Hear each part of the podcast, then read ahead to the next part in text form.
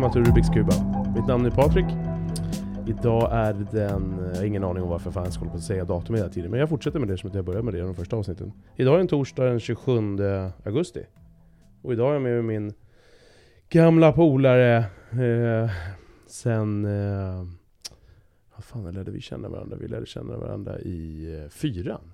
Fredde. Tjena Freddan! Tjena Patrik! Läget? Det är bra broder, det är bra, det är bra. Hur är det med dig man? Jo men det är bra. Det, vi har pratat ett tag om det här och det är kul att äntligen kan sätta det till sjön. Sjösätta det. Ja, vad fan, eh, det passar.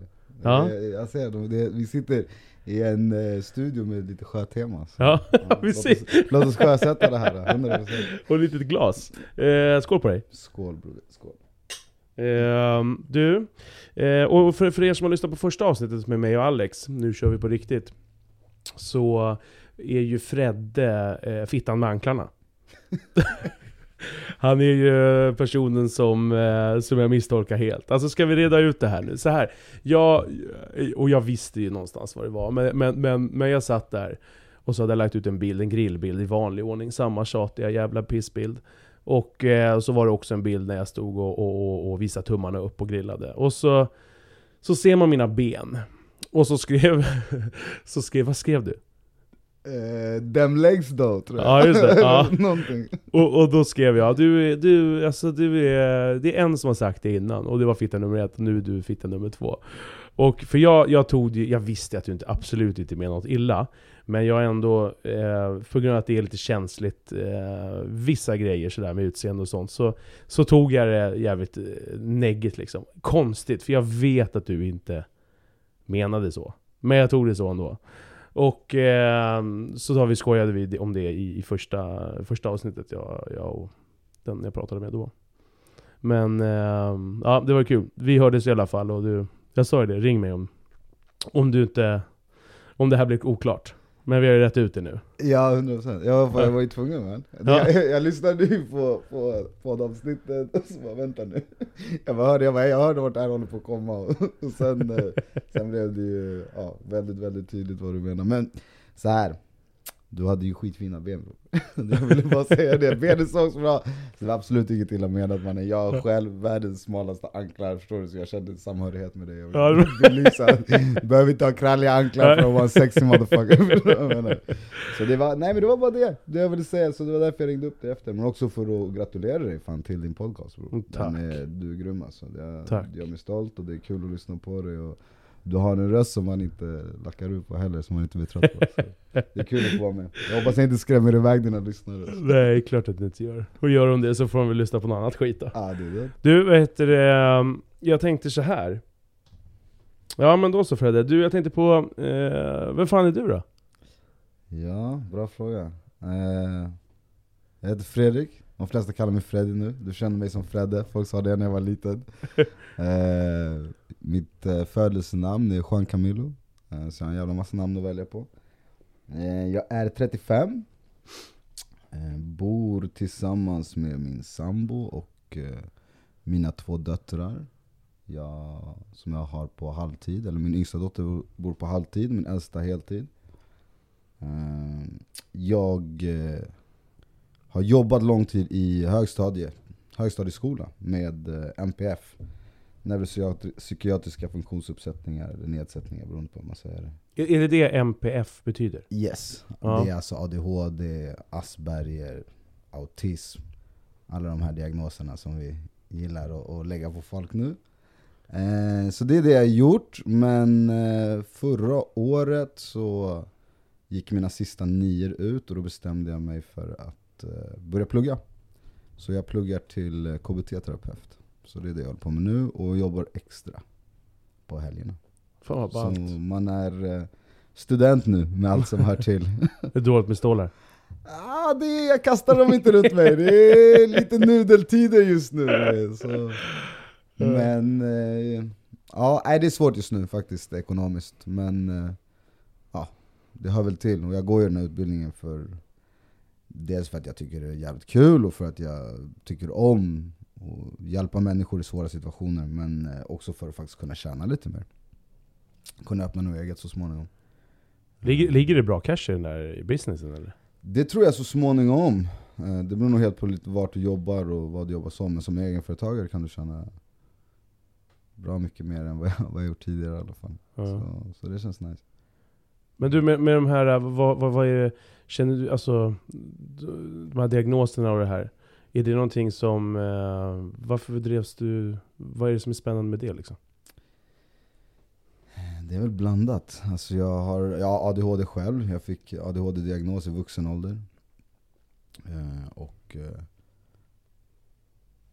tycker väl också om att, du vet, alltid varit intresserad av vad, vad gör oss människor så olika och vad gör oss så lika? Vad, varför är vissa människor på det här sättet och vissa människor på det här sättet? Och jag har alltid varit intresserad av vad diagnoser kan ha för nytta. Liksom. För jag, jag, jag kommer från ett ställe där jag tror att diagnoser en gång har haft en, en, en eh, samhällsnytta i, i våra samhällsgrupper. För vi bodde mycket mindre i byn eller i stammen eller där vi var.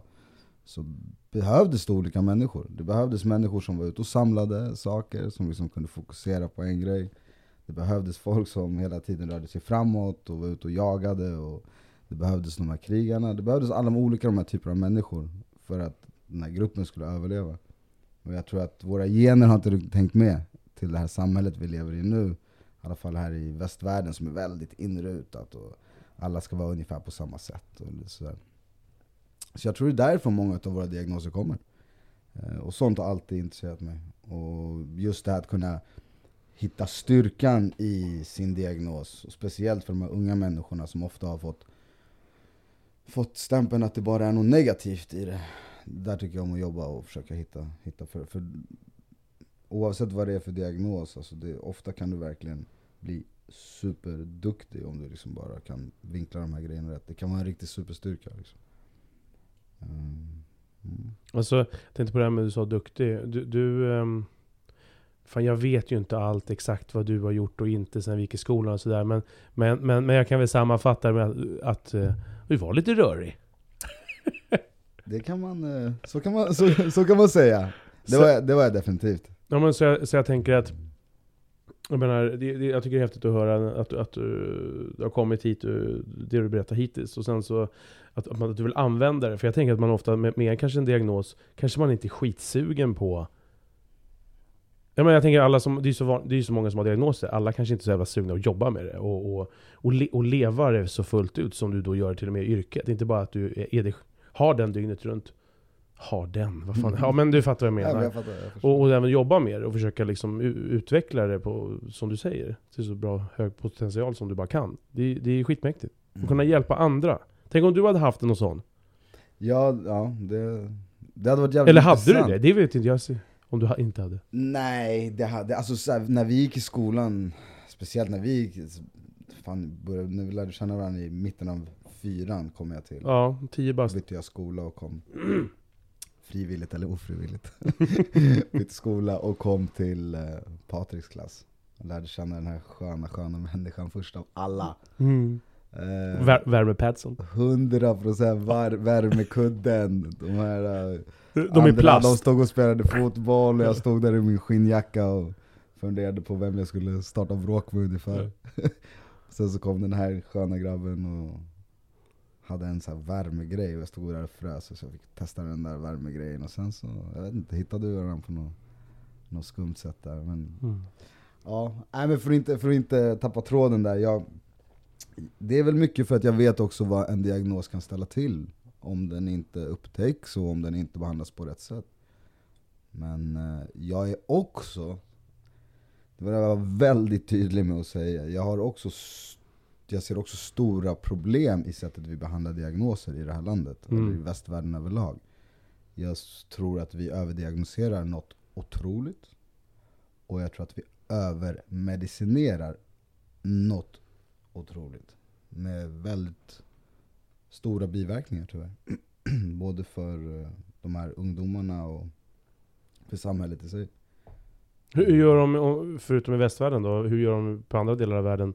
Nej det vet jag jag har inte så mycket Nej, er- nej. erfarenhet av det så. Men, men där tror jag ofta, om du kommer till ställen där som vi ser på som u-länder och liksom väldigt eh, ociviliserade, där ser de ofta diagnoser och liknande saker som något helt annat än vad vi gör. Där får de ofta en framträdande roll i sitt samhälle eller i sin grupp.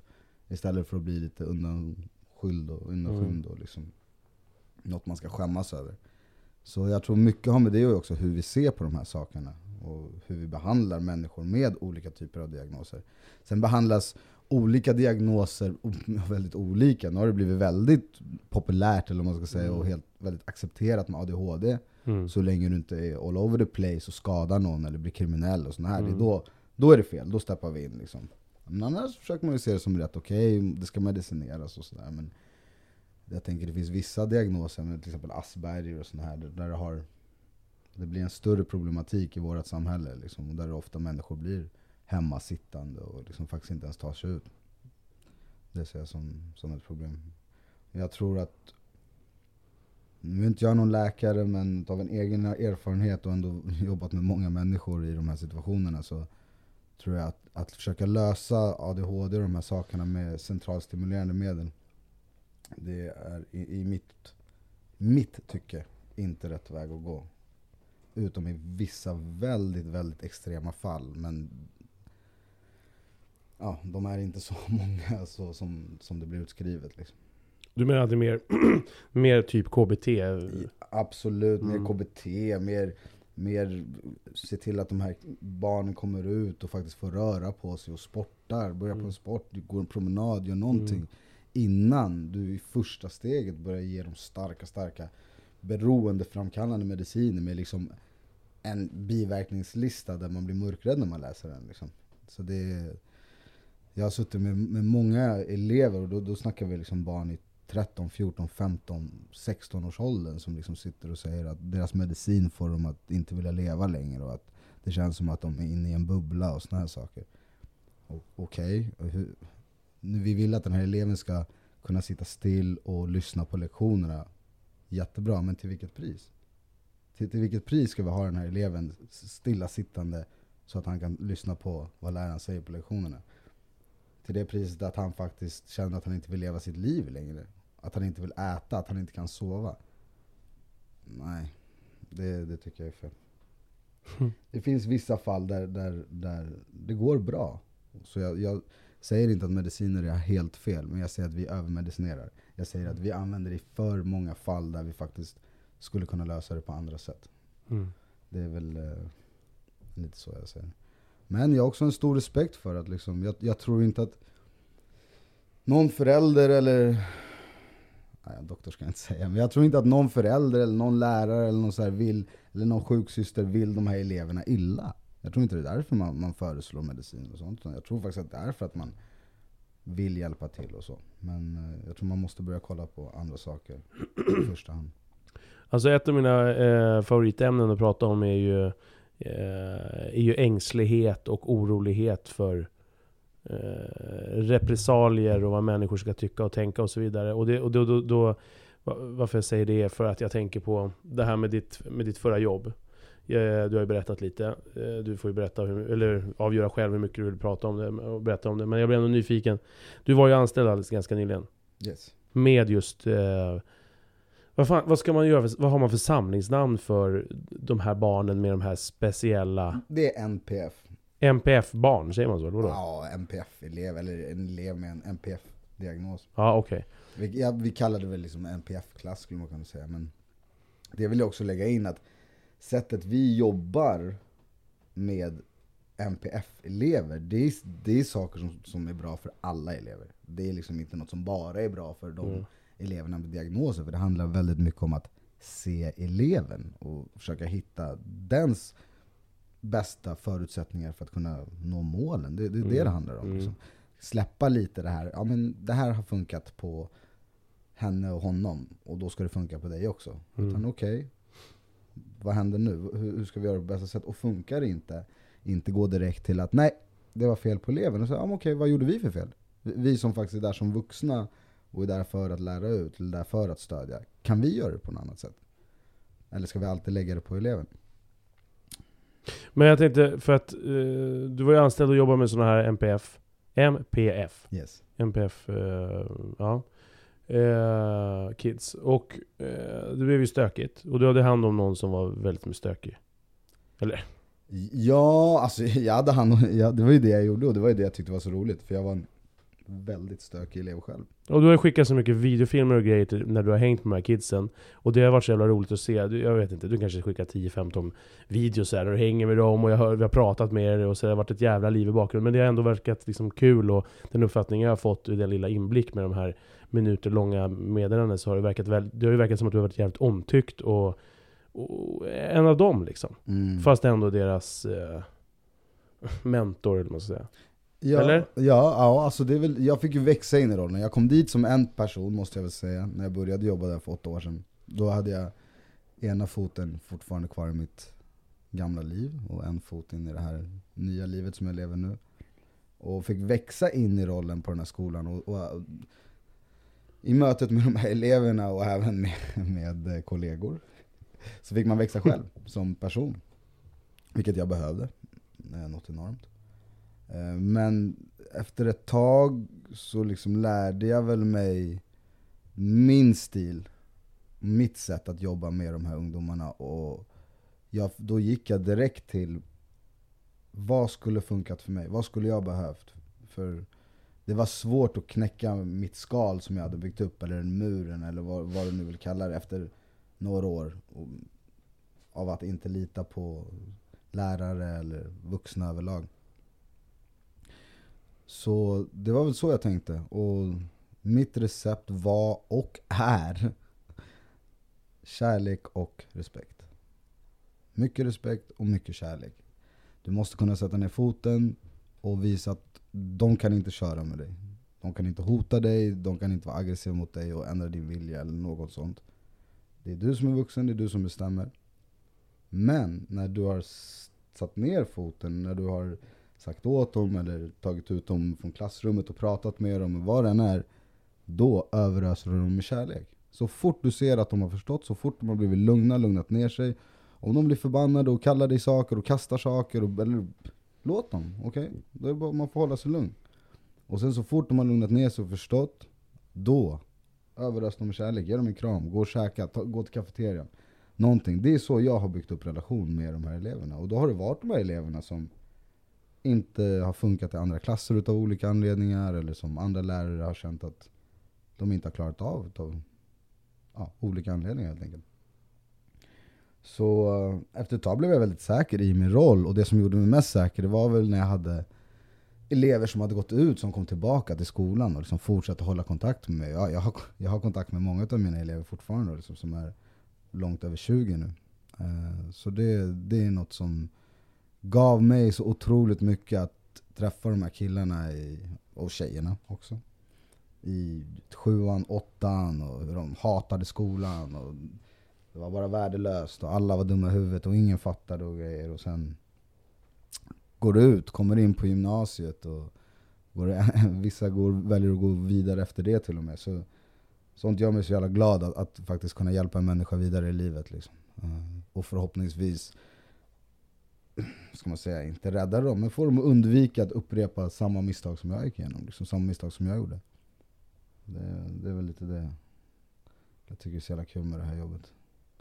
Eh, tyvärr så slutade det inte så jävla bra. Jag eh, hade en incident med en elev som inte var min elev. Jag hade börjat plugga då, så jag hade gått ner till deltid. Men kom en incident med den här eleven och eh, elevens familj väljer att eh, anmäla skolan. Och skolan väljer att låta mig antingen säga upp mig eller avskeda mig. Då. Att jag sa upp mig själv eller avskeda mig. Eh, så det var jävligt tråkigt, för det kändes liksom, jag hade varit där i många år, jag hade bara fått lovord från föräldrar, från lärare, från, eller från kollegor, från eh, det som var viktigast för mig, elever. Men, eh, men, men varför ville de... Eh, stod de inte bakom det då? Nej, inte ett, inte ett smack. Alltså verkligen inte någonting. Så det, det där kände jag väl väldigt, väldigt, väldigt sviken från skolan. För jag menar, eh, jag tog tag i den här eleven. Det, det gjorde jag absolut. Han det här var en elev som har varit aggressiv mot folk tidigare och hade varit en historia av aggressiv mot lärare och sådär. Så när han var, vart mot mig då tog jag tag i honom ordentligt. Och det såg de väl då som eh, skäl nog, helt enkelt, till en anmälan. Och för att undvika anmälan så var det det beskedet jag fick av skolan helt enkelt. Föräldrarna hotade med att om inte den här snubben... Men vad skulle de egentligen vinna på? Ungen går ju kvar. Vad skulle de... Hade man inte kunnat flytta på det? Grabben och jag, vi, vi, alltså så här, jag skulle aldrig lägga Jag skulle aldrig lägga det här på den här killen. Aldrig. Det här är en kille som jag är helt övertygad att hade han gått i min klass vi hade jobbat ett par år, jag är övertygad om att det hade gått jättebra för den här killen. Jag tror det kan lösa sig bra för den här killen fortfarande, så länge han får rätt stöd. För det är en jättefin grabb. 90% eller 90%, 99% av de här killarna som jag möter och tjejerna som jag möter är väldigt, väldigt fina människor. Det är sällan jag ser någon som faktiskt är elak och verkligen, verkligen vill göra illa någon. Ofta är det missförstånd eller dålig självkänsla eller rädsla. Du vet. Ja. Utav min erfarenhet är fan alltid det det handlar om. Så i alla fall, jag och den här killen, vi, vi har haft kontakt efter det här. Eh, och liksom, jag har sagt det, skittråkigt att det blev som det blev. Jag önskar dig all lycka i framtiden. Och han sa detsamma till mig. Liksom. Så jag har inga hard feelings mot honom. Jag, jag tycker en skitskön grabb, jag saknar honom. Jag saknar Men, skolan då? Saknar jag inte. Nej men jag menar, har du hört något från skolan? Mm, nej, alltså inte så. Vad menar du? Nej men jag tänker att om så här, om de har lovordat dig och det har funkat väldigt bra så är det ju så jag förstår ju att det är så det är. De vill inte få eh, dålig PR, så då väljer man att göra så här. Men samtidigt så bara tycker jag att det är så jävla... Utan att veta allt i den här incidenten och vad det är för skola, jag vet ju ingenting om den här skiten egentligen. Men bara, det här är ändå historier man hör ofta. Liksom, att, att istället för att stå bakom så, så väljer man att... Eh, och jag förstår så var det inte ens så mycket till samtal då, efter det här eller? Nej, alltså jag var uppe på ett par samtal, jag var uppe på kommunen på samtal. Eh, men eh, nej, de var väldigt snabba. Jag tror jag fick vara hemma i knappt en vecka innan de kom fram till sitt beslut. Då. Eh, men då kände, då, då, då, kände jag väl också, jag var ju på väg ut, jag höll på att plugga och som, men det var tråkigt att det skulle sluta på det sättet helt enkelt. Och, men jag, jag står fortfarande väldigt bakom mitt sätt att jobba och mm. jag älskar att jobba med ungdomar och det är något jag är väldigt bra på. Jag, jag tror som sagt att hade, hade, hade vi fått chansen så hade det blivit väldigt bra, men nu gick andra människor in och bestämde för oss. Liksom. Så. Och, det blev och, som det blev tyvärr. Och det här med temperament och grejer och... och eh, ja, ta, ta en klunk du. eh, nej men det här med temperament och, och, och ADHD och sånt där. Jag bara hörde att du berättade. Eh, vi pratade inte så mycket om det, men jag blev så nyfiken på det, så det är väl perfekt grej att ta upp här på podden. Du pratade om, vi pratade om aggressioner. Yes. Och eh, någonting om att göra några övningar. Mm. Eller? Ja. Eller? eller? ja, jo, jo. Någon, jo. Eller några övningar som du, som du hade, för vi, du och jag pratade om att lacka. Ja, och, det, och det har vi båda i, och sen kanske det är olika saker som gör att vi lackar i, i våra kroppar. Men, och, och, och huvuden och sinnen, sitt, sitt, sitt, vårt sinne. Men, men jag tänker bara, vad du, de här övningarna, och, och jag blir så nyfiken på bara vad det var. Vi pratade bara väldigt liksom Ytligt om det Ja, alltså du menar när jag, för några år sedan där? Nej men du, du har pratat om det bara för ett tag Ja, men alltså övningar som jag gjorde för några ja, år sedan Ja, jag tror det. Ja, vi pratade inte så mycket om det så jag ja, vet inte. Nej men det var ju lite som jag var inne på där, på där att uh, när jag började jobba på den här skolan så hade jag liksom Jag var ett vägskäl i livet, jag hade ena foten inne i en värld och en fot i den andra Hade uh, haft ett uh, pillermissbruk, ja, på recept men oavsett, ett, ett pillermissbruk med bensodiazepiner i några år innan det. Precis gått 12-stegsprogrammet och eh, blivit ren då, ungefär. Varit ren ett år innan det då. Eh, knappt ett år. Och eh, i och med att jag gjorde allt det här, jag gick 12-stegsprogrammet, tog tag i mitt liv och liksom efter en kris jag hade, eller vad man ska säga, där eh, jag bröt, bröt upp med min yngsta dotters mamma och eh, verkligen liksom hamnade på botten där. Vilket jag behövde för att faktiskt uh, rycka mig i kragen och liksom göra den där stora jävla förändringen som, som behövdes. Uh, men i och med det så gick jag på något som kallades uh, Manscentrum. Tror jag. Och uh, träffade en, en kille en terapeut, jag vet inte om jag ska säga vad han heter, men en terapeut. Och jag har haft ett jäkla temperament sen jag var väldigt liten och jag har fått gå hos hos tanter och kuratorer och folk som har sagt vad jag ska göra och hur jag är och vad jag är och allt sånt. Så jag hade väl inte jättemycket förtroende för honom när jag satte mig i den här stolen. En liten detalj, jag måste fråga om. Var det samtal med kuratorer och soc-tanter som var på initiativ från dina föräldrar eller från skolan? Från eller? skola, från skola och, och kriminalvård och sådana här saker. Okej. Mm. Eh, men eh, den här, den här mannen, den här terapeuten, det var ju någonting med honom. Jag tror att han är en stor, han är en stor, ett stort skäl till varför jag pluggar till terapeut idag. Han, han, bara hans vibe när jag kom och satte mig där var liksom att han, han, hade inte alls, han var inte alls den typen av person som jag trodde var en terapeut. Utan den här Mm. personen hade mer hört hemma, jag hade kunnat tänka mig att träffa honom på ett häkte. Ungefär, i lu- lunchen, i kaféet på ett häkte. Han kändes mer höra hemma där.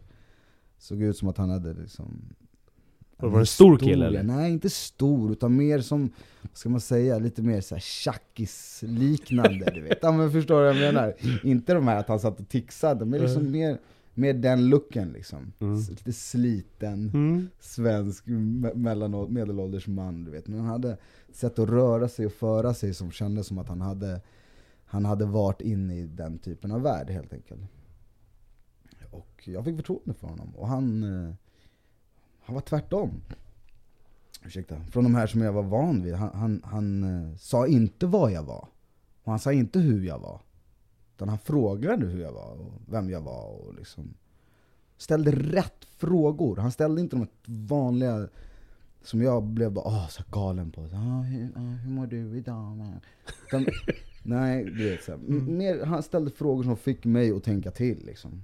Så jag fick förtroende för honom och eh, gick eh, en, eh, jag kommer inte ihåg vad det kallades riktigt, men det var som en anger management kurs, ilskehantering, Mm. eh, hos honom då. Och eh, den hjälpte mig något enormt. Ja, och jag tror att det är det du pratar om. Ja, bara, jag tänkte bara lite kort, och bara ungefär bara, så att, för jag fattade inte när vi... Nej, men det var bara en övning som jag berättade för dig om. Då, då fick jag rita upp två stol- staplar, för jag, jag har fortfarande temperament, jag får fortfarande hejda mig ibland. Precis som du min bror. Ja. Men, eh, men jag tände till väldigt snabbt när jag var yngre, det gick liksom 0 till 100 direkt. Ehm, så jag fick rita upp två staplar på ett papper där, där noll var liksom baseline, när jag är på bra humör, jag är glad, inga problem i världen. Och toppen, det var när jag, när jag slår någon, när, när jag blir fysisk.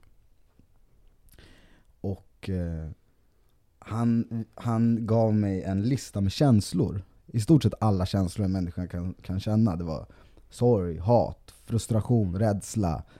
Alla de här. Ilska, liksom. He- Hela, hela registret. Och så skulle jag sätta in de här orden i rätt ordning som jag kände dem på den här stapeln då. Från, noll, Mm. från att jag är i baseline till att jag slår någon.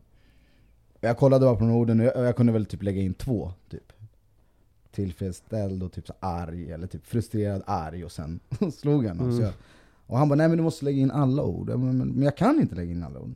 Ja men, men lägg in dem bara, bara på kul då. Lä- Släng in dem så som du tror att de är. Mm. Så, så här, han utmanade verkligen. Så, här, ah, okej. Men jag tog det på allvar för att jag gillade honom liksom. Jag tror jag gjorde det mer för hans skull än för min egen just då faktiskt. Fan vad viktigt det är att, att personer i skolan och sånt här, när vi är små, är karismatiska och kan, och kan eh, liksom lite trollbinda oss. Alltså det, det är hela A och O. Skit i vad du har för jävla utbildning, typ. Faktiskt. Vad viktigt det är hur fan du är här uppe i pallet. Faktiskt. Jag, jag, tror, jag tror att det här sättet han var på, hade han nog inte lärt sig så mycket på en utbildning. Det var lite den känslan jag fick, och jag tror det var därför det funkade så bra för mig. Det var tjacket. Möjligtvis. nej, nej, men eh, jag la in de där orden i alla fall. Och fick ta hem den där listan.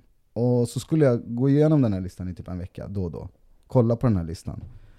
Och fan med mannen, så småningom kunde jag ju känna de här, att det faktiskt fanns väldigt, väldigt, det gick jävligt fort, men det fanns där. Det fanns, det fanns ilska, det fanns frustration, det fanns mycket mer ord, jag kunde få in mycket mer ord och faktiskt känna dem än vad jag trodde i början. Och det där var en övning som, jag vet inte, den, den är nog olika för olika personer men den, den var viktig för mig, att faktiskt få kolla på andra känslor som var inblandade i hela den här grejen. För då kunde jag börja, ah, okej. Okay. För är du bara förbannad känsla, då kan du alltid skylla på personen. Är det bara du är lack, ja men Luka han var dum i huvudet. Ey han kom emot mig, ey han slog mig, ey han hotade min vän, ey han gjorde det, han gjorde det, han gjorde det. Men börjar du kolla på sorg och frustration och sådana, då är du tvungen att gå in mer på dig själv. Aha, men vänta. Varför var det han gjorde, varför gjorde det mig ledsen? Eller varför gjorde det mig frustrerad? Ah, okay. så det fick mig att liksom börja dissekera mm. mina känslor på ett, på ett mycket större sätt. Och sen, eh, ja, samband med det började jag prata om det, fick min ADHD-diagnos. För första gången i mitt liv började jag öppna upp mig för människor som inte var min, min närmsta man eller liksom min, min flickvän eller sådär. Jag, liksom, jag var som en sten innan, jag pratade inte om känslor. Alltså jag, jag, jag hade många år när jag inte grät. Alltså jag kommer ihåg när jag var liten och grät sista gången, tills jag grät igen som vuxen. Alltså det var många år där jag, jag grät inte. Och i början mycket för att jag tyckte det var tufft, killar ska inte gråta, det, man ska inte visa... Tills att i slutet faktiskt sitta på vänners begravningar och faktiskt vilja gråta. Liksom. Kände hur jag ville gråta, ville få ut det, men det gick inte. Det bara... Det där, det där är en, grej, det där är en liksom. grej som jag, jag reagerar på. Nej, men jag, alltså jag har märkt att du har varit så känslosam när du har delat eh, typ varenda år av bortgångna polare. För du har ju många polare som har gått bort och sådär. Och när du har delat på det så jag reagerar på det. Och så, jag har ju nästan tänkt, tänkt så här, för jag har märkt att du har varit så, alltså, bara genom de få orden, och ibland när vi har pratat om det också, när vi har träffats, så, så, så är det mycket. Eh, starkt för dig. Och, och jag har inte eh, tänkt något negativt mer om det. Jag har bara tänkt så här: shit. Men, men, men du, har, du har varit så känslosam i så att jag har... Det här, jag vet att det är fel av mig, men jag är bara ärlig. Eh, jag har tänkt såhär, men fan är det här... Alltså spelar han det här lite? Men, men då fattar jag ju att om du har hållit inne i tio år, eller hur långt det är Alltså du har så mycket att ta igen för att du inte har processat sådana saker, sådana saker under de här åren.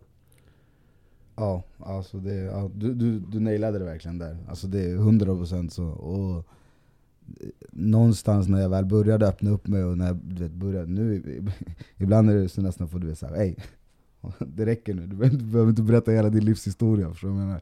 Men, men jag vet hur det känns att hålla saker inne. Så nu när jag kommer in på ett ämne som jag är känslosam över, eller som jag bär med mig, då är det nästan som att du vet, jag, nu har jag nästan ingen filter, nu bara, det bara flyter. För jag mår så jävla mycket bättre utav det. Jag, jag vet skillnaden av att hålla in saker i, i många år och hantera det genom droger, eller genom, genom sex, eller genom vad det än är, förstår du? Bara för att tänka på något annat.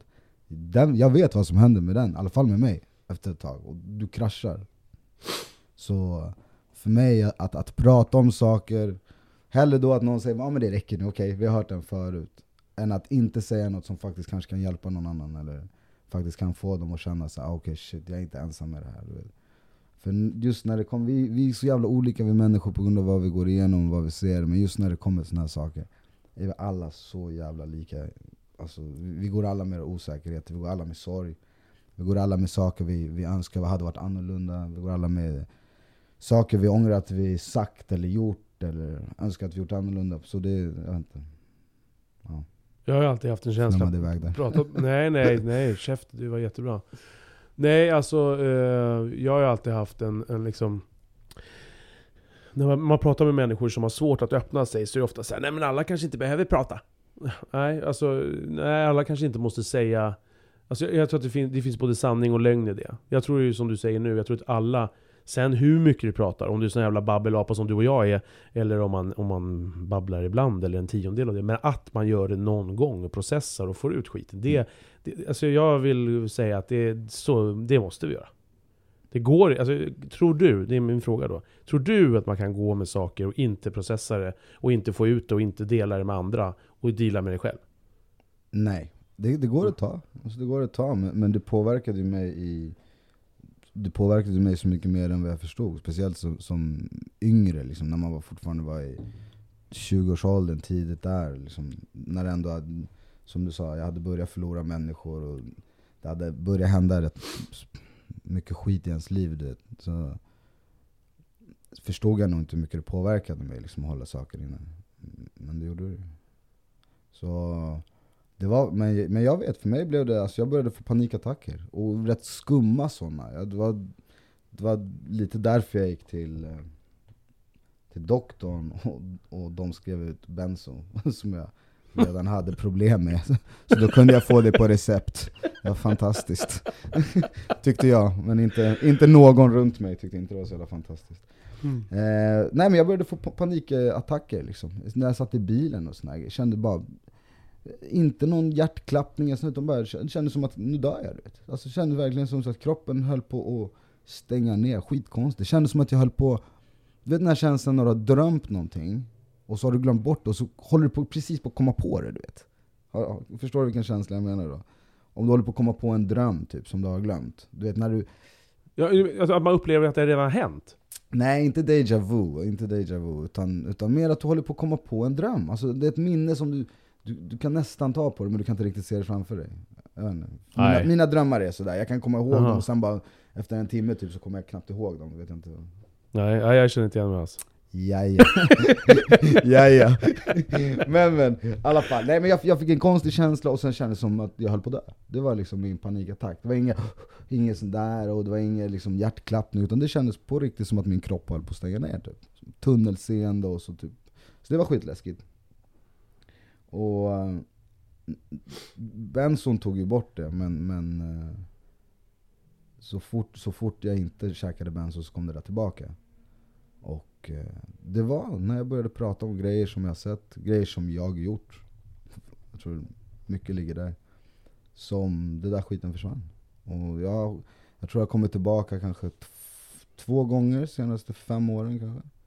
Och det har varit väldigt så kort och det inte varit så mycket mer med det. Så, och det. så det kopplar jag direkt till att bära på för mycket skit. Definitivt, definitivt. Och jag tror, jag, tror det kan liksom, jag tror det kan te sig på många olika sätt. Men eh, jag tror alltid, om du, om du inte släpper ut saker som du mår dåligt av, så kommer det, det kommer skada dig på Det något kommer sätt. explodera. Psykiskt. Ja, ja. Jag tror till och med det kan skada dig fysiskt. Mm. Men eh, jag är lite såhär, woho. Mm. Freddish. 100%. Alltså jag, jag... Jag tänker att det här kan binda ihop lite nästa grej jag tänker, eh, som jag skulle vilja prata med dig om. Ehm, jag, jag blir så jävla... Eh, jag blev gråtmild när du liksom berättar om de här grejerna. Bara den här utvecklingen. Alltså jag, jag går ju verkligen igång på människor som, som, som berättar om vad de har varit och hur, de, och, och, och hur det är idag. Att de ser den, eh, liksom den stora diskrepansen med hur det var när de var yngre och äldre. Eller hur det är idag. Och det du berättade nu liksom blev... Eh, vi har ju pratat en del om det, men vi har ju sparat på det och lite grann för att prata om det här i, här i podden och prata så här. Så här har ju inte vi... Fan vi är ju, vi är ju bara mest packade när vi har sett, sett de sista- sista åren. Eh, och... och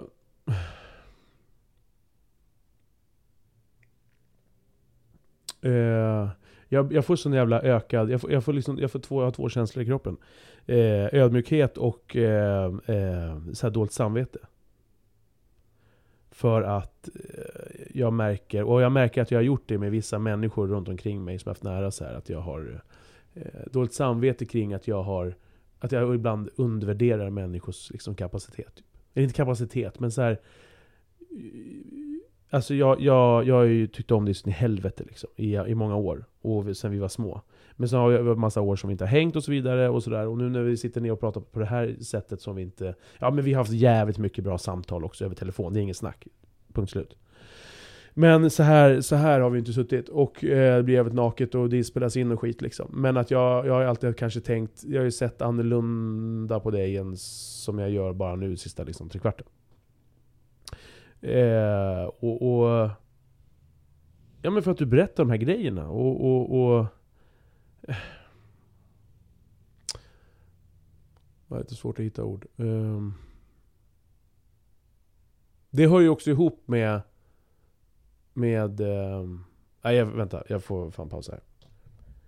Så, jag var bara tvungen att... Vi gjorde en liten paus här. Och, och jag har ju en, som en princip att inte eh, dricka någonting när jag eh, poddar. För att det har inte blivit något bra. Men nu har jag blivit lite mer bekväm i, i skorna. Och eh, så bara känner jag det är så sällan vi ses. Så vi ska fira det här med en liten bira. Så jag har hämtat en bira nu. Men, men, men jag ville bara glida in på att jag... Det är två ämnen här som jag tänker att vi ska försöka fnurra ihop. eh, som, jag, som jag vill prata med dig om. Och vad jag försökte säga förut, att, att jag har haft en, en liksom, inte någon orespekt, men, men, men för att du har alltid visat mig, och framförallt sen vi har fått kontakt i vuxen ålder nu sista, jag vet inte, 5, 6, 7 åren kanske. Så har du alltid, alltså du har alltid känt mig så jävla genuint omtyckt av dig. Alltså på riktigt. Alltså jag blir liksom rörd när jag tänker på det. För att, och sån, sån respekt liksom. Och, och jag vet att du är som jag, du har haft mycket irritation mot människor och hat och, och sådär i dig. Och, och, och, så att det har bara varit så fint att känna det från dig. Men så att jag har inte haft någon orespekt. Men det har ändå varit så här, jag har också blivit påverkad. Vi känner ju mycket gemensamma polare och sådär.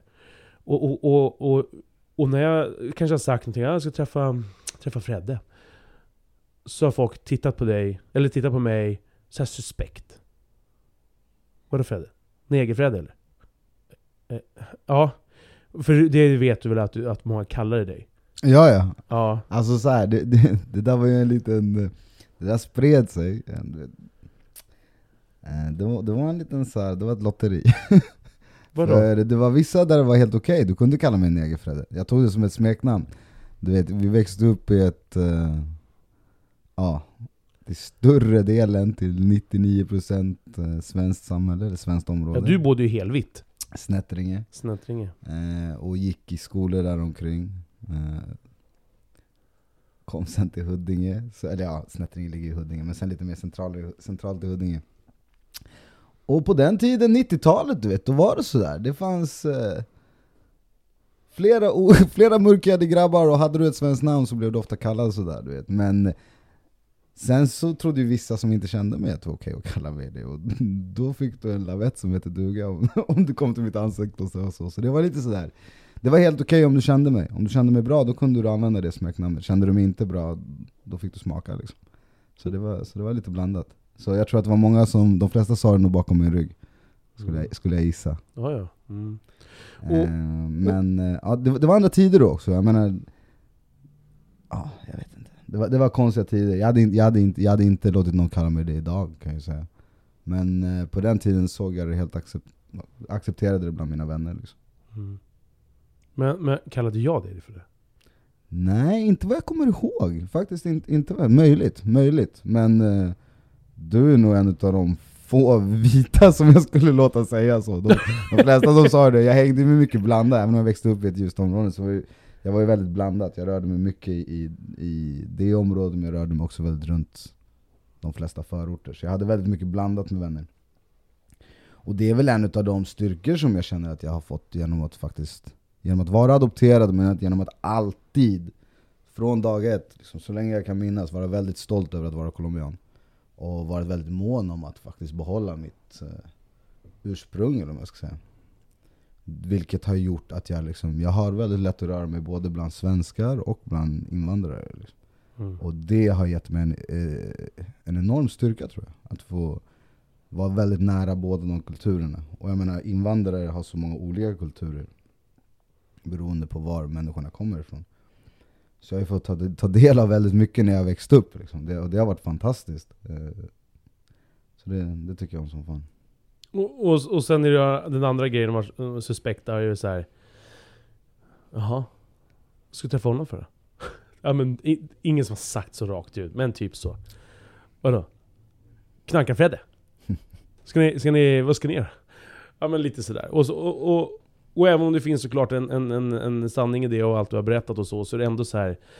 Jag har påverkats av det, så att det, den känslan jag bara... Uh, vi ska prata mer om weed och det här nu, men, men jag tänker så här, det, det känslan av det. ehm, jag fick liksom först den här jävla ödmjukheten av det du pratat om. Du har ju pratat lite grann om det, men inte sådär jättelångt och utdraget direkt för mig. Där jag så här, håll, så här lång, länge har jag aldrig hållit käften heller i en podd. Så att eh, jag blev väldigt liksom rörd av det du berättar bara. Med din utveckling och det som har hänt dig. Men också att, att jag, jag- fick en sån känsla att fan vad jag är påverkad. Jag vill ju gärna ge dig sken av det och jag ger sken av det till åt mig själv. Att jag är, vilket jag såklart inte är, men det är vissa saker är jag det, vissa saker är jag inte det. Oberörd av vad folk säger och tycker. Typ så här. Och det är jag till, när det gäller vissa saker, vissa saker inte. Eh, jag kan klara av att någon, någon, någon, någon kallar mig tjockis, men jag kan inte klara av att någon annan säger det. Eh, men jag är inte, jag, det är inte så att jag är helt blank och inte känner saker, men jag kan ta det med en nypa salt från någon beroende på vem det kan komma ifrån och sådär. Och, och jag har blivit påverkad då av att liksom så här, jaha vadå, Negerfredde? Vad ska du träffa honom för? Och jag blir så här, och, och du vet, det är ju sån insvetsad bild av folk som kanske har känt dig halvnära eller lite på avstånd så här. Typ som att ifrågasätta, vad fan ska du hänga med honom? Typ så. Och, och det bara fick, när jag började tänka de sakerna, och allt det här du berättar nu Fredde, och så bara Fan du är ju så mycket, jag vet ju det här, men jag blir, man blir så fucking påverkad av människor, vad de säger och gör omkring en. Eh, och även om jag försöker distansera mig från det här så är det ju ändå, så jag är ju inte, jag är ingen stålman, jag är inte pans, gjord av pansar liksom. Så blir man ändå påverkad, grejer tar sig in. Så bara satt där och tänkte bara, fan vad jag liksom har, eh, inte okänt orespekt, men, men vad, eh, vilken respekt och ödmjukhet jag kände nu. Och jag har ändå känt dig, vi har känt varandra för fan i 25 år. Och jag blev bara så jävla berörd av det du berättade. Mm. Och, och jag blev så arg på mig själv att jag liksom, att jag inte har, typ har sagt någonting ifrån mig. Är du dum i huvudet eller? Ifall de, när, när de har bara påtalat något sånt. För de känner ju inte, det är det jag också känner så här, Jag vet ju att det finns ju någonting så mycket mer bakom. Det är ju inte bara den där ytan, negerfredde och, och, och, och weedfredde liksom. Det finns ju så jävla mycket annat, och jag blir så lack att jag har låtit det påverka mig känslomässigt. Inte vad jag sen har sagt, jag har ju inte sagt såhär, ja du vet, den där jävlen vill man inte hänga med. Så har det ju inte varit, men jag har påverkats känslomässigt av det. Och, och kanske inte sagt att håll käften på det. Nej, Bygg. jag förstår. Fattar du? Jag förstår, ja, jag förstår 100%. Ja. Och, det är, som, och det här är ändå anledningen till att jag genuint älskar dig mannen. Och att jag alltid har tyckt om att vara, var, eller hoppas att vara, men ser dig som en nära vän. Det är för att jag alltid känt ärlighet från dig. Från dag ett. Ärlighet. Mm. Och är du ärlig mot mig, om du finns där för mig när jag behöver dig, alltså då då vill jag säga att jag kommer finnas där för dig resten av livet. Jag har gjort mina misstag också när det gäller relationer och såna här saker, men jag försöker att vara väldigt lojal. Jag har problem med det i, i relationer, men jag tror att jag har nog aldrig svikit en vän, vad jag vet. Och det är någonting jag faktiskt är stolt över. Mm. Eh, och du fanns där mannen, du var en av de där som fanns med när folk fortfarande bara kollade snett på mig i den nya skolan. Då kom du fram och var mm. faktiskt genuint nyfiken första kompisen jag fick komma hem till och såna här saker. Så det, det kommer alltid betyda mycket för mig, 100% Och sen även fast vi hade väldigt olika åsikter så var vi alltid väldigt ärliga mot varandra. Och mm. därför kunde vi också lägga de åsikterna som, var, som vi inte delade, kunde vi lägga åt sidan. Mm. Och faktiskt bara chilla med, med de åsikter vi delade, som typ mm. typ skräckfilmer. Från hans farsas tunga filmskåp VHS VHS Minnen. Nej men eh, så här, alltså jag hör ju att många av de här människorna du pratar med, alltså, såklart, är från, det är från vår barndom. Mm. eh, Vilket jag hör. De vet ju typ inte ett skit Nej, och, och jag är lite så här, jag har alltid utan någon anledning haft väldigt mycket människor som tycker saker om mig och, och tänker saker och det fanns en tid när jag brydde mig jävligt mycket. Och sen kom en tid när jag skulle visa alla att det inte gick att prata om mig. Då fick du liksom. Det blir, det blir, det blir tröttsamt efter ett tag. Och du vet, springa runt och knocka varenda jävel som öppnar sin mun eller kolla snett på dig. Det, det är skittröttsamt. Och det blir väldigt mycket trånga rum och sådana här keffa saker efter sånt. Så idag försöker jag till allra största mån, jag lyckas inte alltid. Jag har som du ett jävla temperament som ibland poppar fram i trafiken när folk är, tror att de åker själva på vägen och sådana mm. saker. Det, mm. det, finns där. Mm. Men jag försöker i allra största mån och bara du vet, att om inte du hotar mig, alltså fysiskt hotar mig, eller min familj, eller någon nära mig, försöker bara skita i dig. Du får ha dina åsikter, du får tycka vad du vill, okej okay, fine.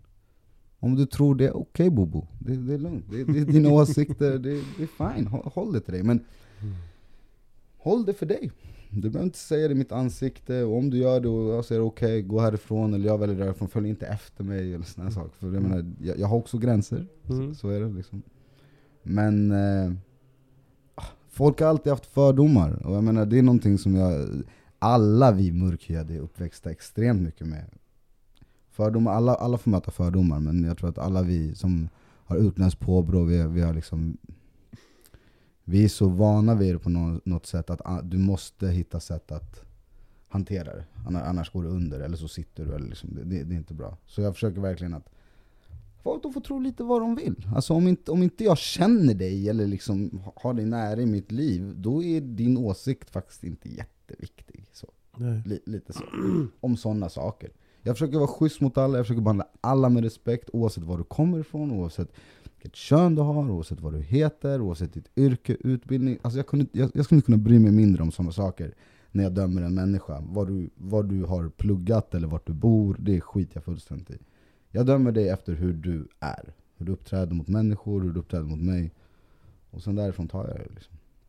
Men eh, de här människorna som säger ah, pundare hit och dit, absolut, absolut. Det, är, det är ingen hemlighet att jag hängde med klicken som hängde uppe på berget och, och rökte weed i skolan istället för att gå på lektioner. Eller att vi sålde mycket droger i ungdomen och såna här saker. Att vi höll på, vi var inne i det där, absolut. 100% vi gjorde det.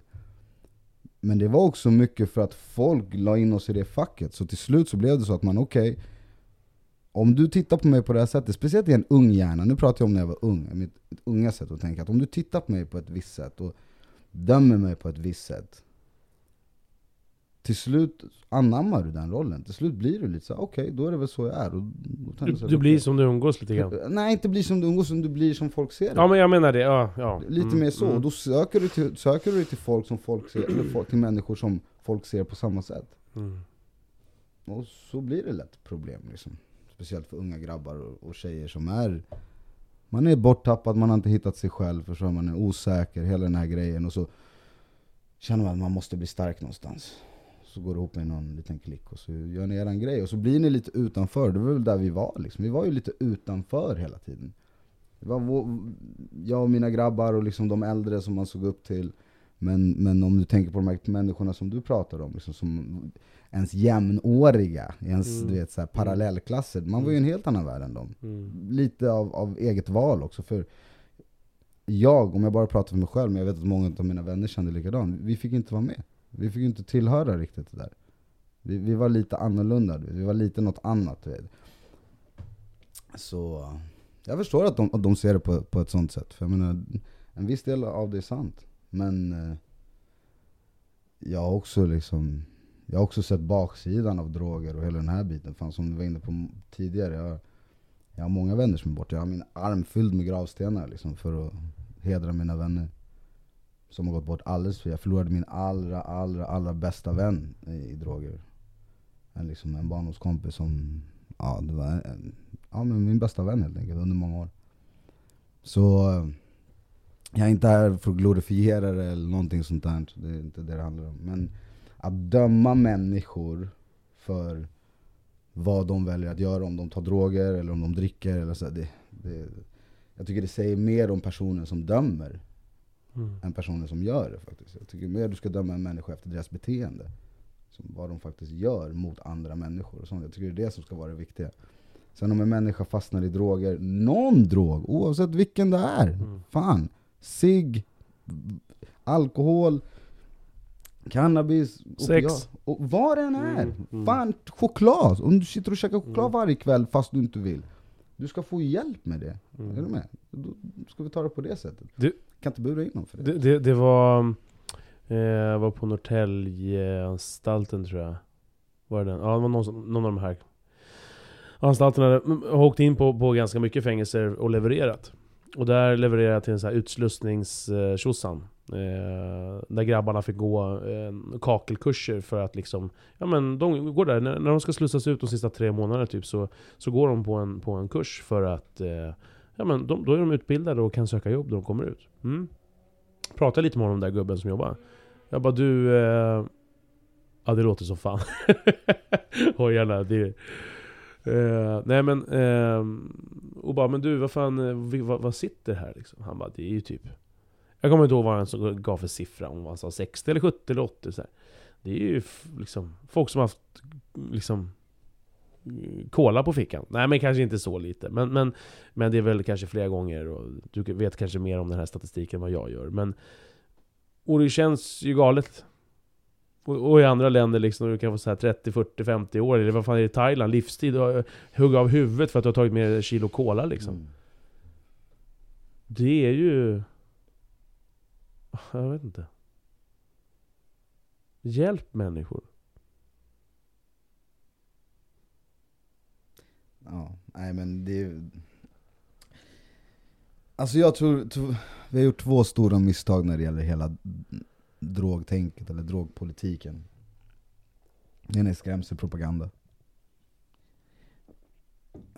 Och det andra är den här tanken av att fler poliser och höjda straff ska få folk att använda mindre droger. Och det är en så förlegad tanke. Alltså vi, vi vet det, vi har testat den. Vi, alla länder har testat den. Det är liksom, vi vet resultatet, det funkar inte. Alltså i, i, i en utopi, alltså i en perfekt värld, absolut jättebra. Okay. Låt lite fler poliser patrullera, om vi, om vi tar våra ungdomar sådär, ger dem straff, höga straff. Fast det har ju inte funkat hittills. Alltså droganvändningen har ökat. Är med? Tillförseln till landet har ökat. Fängelsestraffen har ökat. Allting ökar. Okej, okay, så hur ska vi göra då? Ska vi, ska vi fortsätta och tro att vi ska upprepa samma sak och få ett annat resultat som typ är definitionen av idioti? Eller ska vi faktiskt börja titta på de som faktiskt har lyckats och vända på dödliga överdoser, eller vända på droganvändningen? Okej? Okay? Jag föreslår att vi gör det. Och då har alltid svaret varit att ge vård istället för straff. Oavsett om du vill legalisera eller avkriminalisera, det är en fråga. Men att i alla fall vara överens om att straffa bort missbruk funkar inte. Men jag har aldrig suttit i fängelse som tur, som tur är, jag har haft tur, men jag har suttit häktad många gånger. Jag menar, För? Eh, olika saker. Det har varit. Eh, det har varit olika saker. Våld mot tjänsteman bland annat. Ja, men det har väl också varit någonting drogrelaterat eller? Nej, inte alltid. Nej. Inte alltid. Ibland har det varit mitt temperament och, och i, mm. i eh, konfrontation med poliser eller vakter. Mm. Eh, men, eh, förlåt nu kommer jag, kommer jag av mig lite här. Ja men alltså, du har suttit häktad? Ja men precis. Och jag menar, du har, man har inte kunnat lösa drogproblemet på häkten eller anstalter. Det, drogerna finns där. Så men om drogerna finns där, hur kan vi faktiskt mm. på riktigt tro att vi ska kunna stoppa det i vårt samhälle? Mm. Det, det kommer inte funka på det sättet. Jag vill inte att unga ska använda droger. Jag är extremt emot opiater. Jag, jag sitter inte och, och glorifierar droger. Absolut inte. Något jag har problem Lite. med Ja, men något, nej, men något jag har problem med är att man har, har lagt ett, ett, ett, ord, droger, och bara slänger in lite det man känner för, för tillfället i den kategorin. Mm. Vi måste dela på dem. Åtminstone dela upp det i olika kategorier, till exempel centralstimulerande, mm. opiater, psykadeler. För de här sakerna har otroligt olika bieffekter, de har otroligt olika risker och de har otroligt olika risk för eh, missbruk, eller risk för att bli beroende.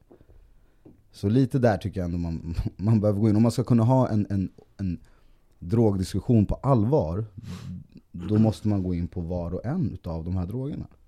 Det jag tycker ska vara, vara liksom gemensamt för dem, det är att vi inte ska klassas som kriminella. Bortsett från om du säljer.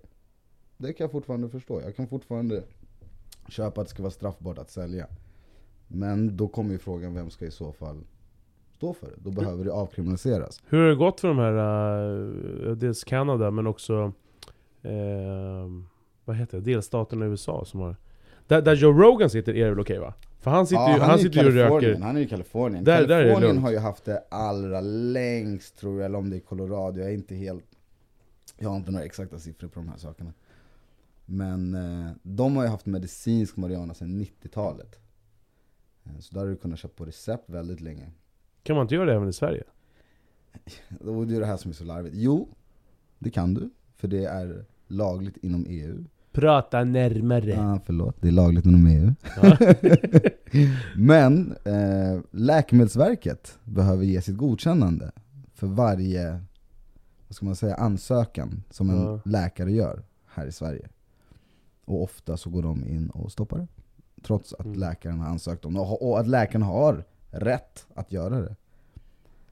Eh, jag ansökte om att få cannabis utskrivet på recept eh, hos min ADHD-klinik.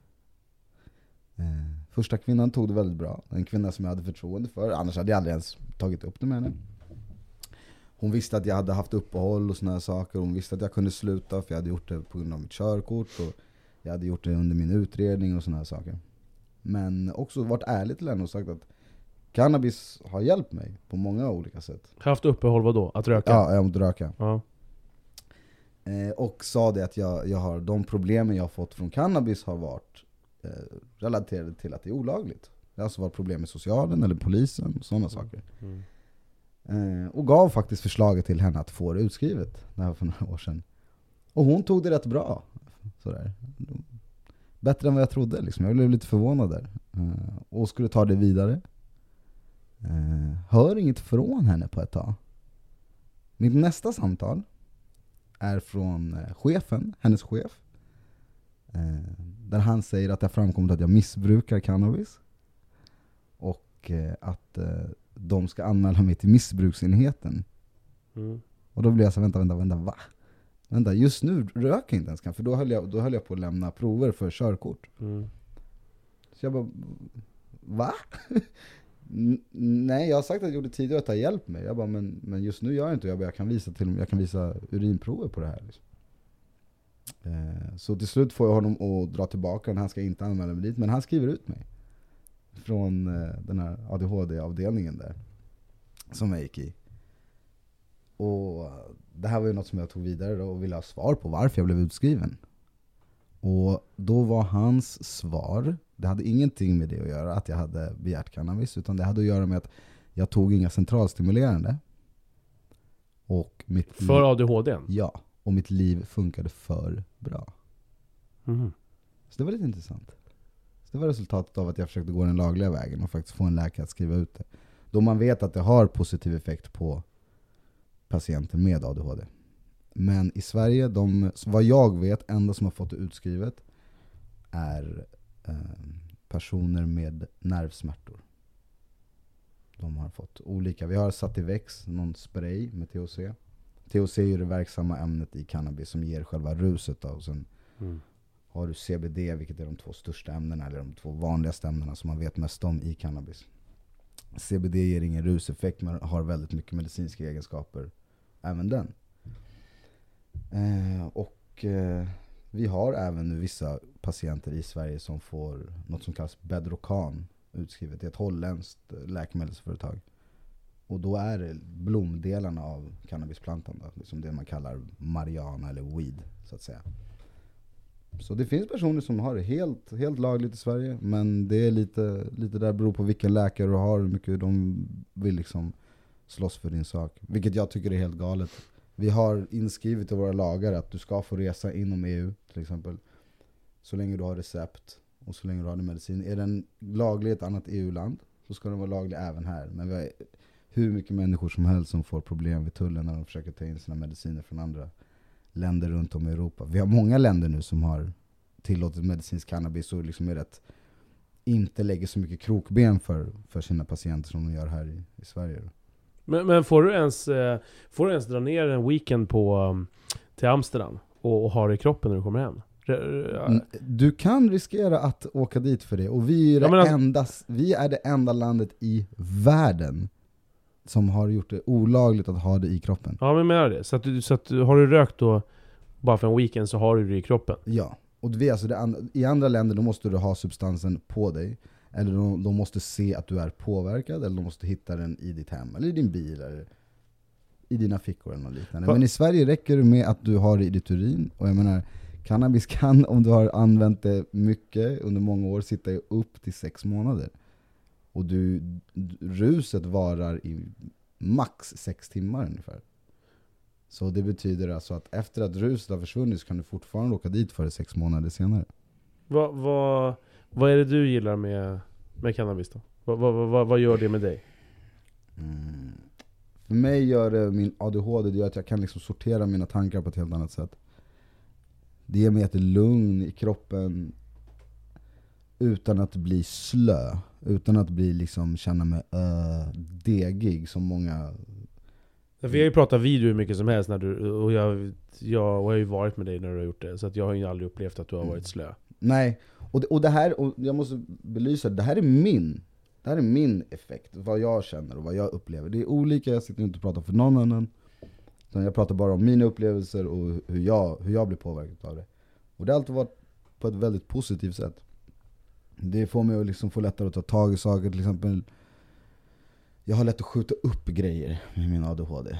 Nej men jag fixar det där sen, och sen så blir det lite mer och så lite mer och disken blir lite, lite större och lite sådär.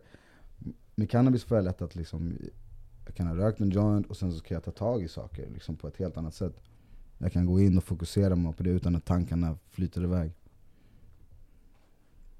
Men är det, tycker du, alltså, jag förstår, ja. Sen, jag ska, eller så här, jag ska, inte, jag ska inte ljuga, det är också en, en eh, vad säger jag, reak, reak, recreational? Vad säger Alltså du måste prata Recreational, hur säger man det på svenska? Vad heter det? Rektionell? Re, Re, re, Alltså det- reaktionell. ja men det är också något, men säg som du dricker ett glas vin. Du, är- jag gör ju även det i det syftet. Jag gör det inte bara för min ADHD. Det skulle jag, då skulle jag ljuga om jag sitter och säger det. Men jag gör det även för att jag tycker om känslan. Ja men det är klart, men så. fan dricker alkohol bara för att det...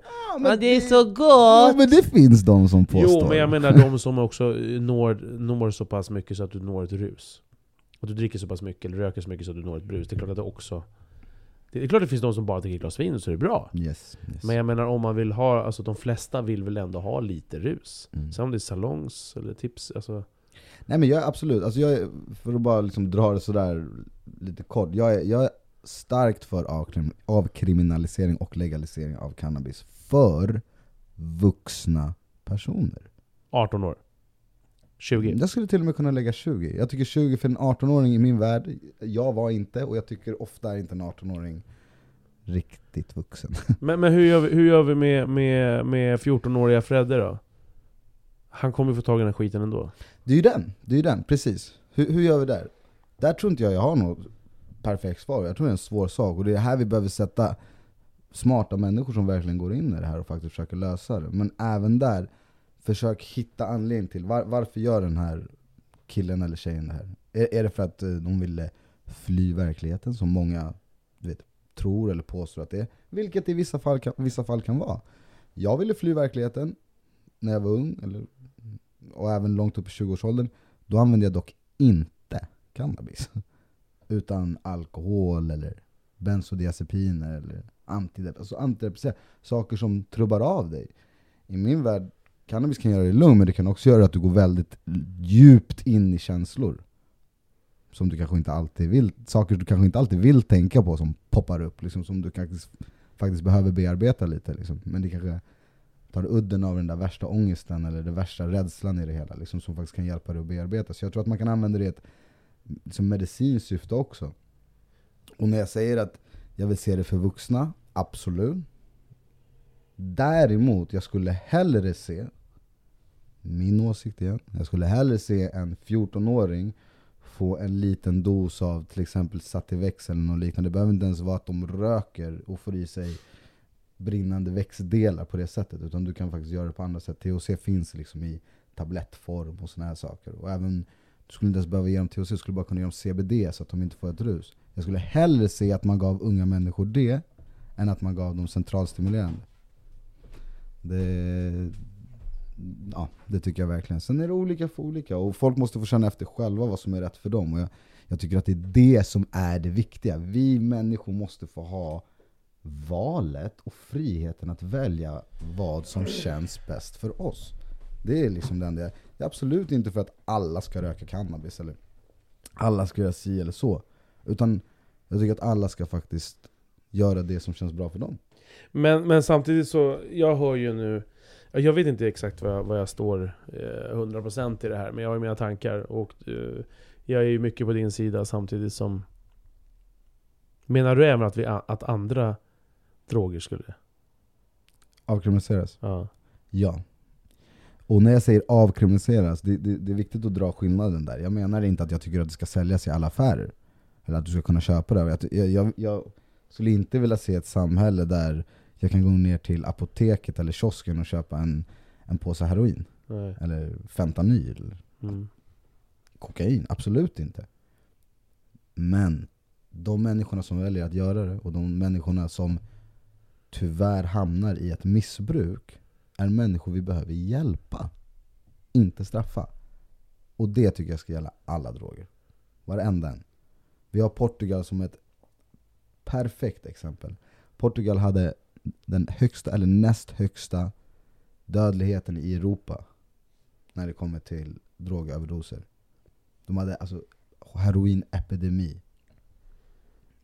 Och de hade en, en jag kommer inte ihåg om det var presidenten, men de bestämde i alla fall där att göra något radikalt och det var att avkriminalisera alla droger. Börja med sprututbytesprogram. Heroinisterna fick komma och lämna sina gamla sprutor, få nya kanyler. Fan, det har väl Göteborg har det här Yes, yes, vi har fått det på vissa ställen i Sverige nu. mm. Om du, om du åkte dit, om du blev tagen av polis, vakt eller något liknande så blev du inte tagen till en arrest, du blev tagen till ett sjukhus eller sjukhusliknande.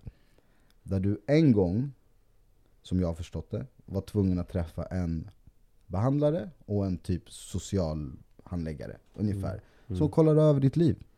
Varför gör du det här? Vill du göra det här? Hur mår du? Finns det någonting vi kan hjälpa dig med? Det var deras svar. Om du som, som, som missbrukare sen ville vara kvar, det var upp till dig.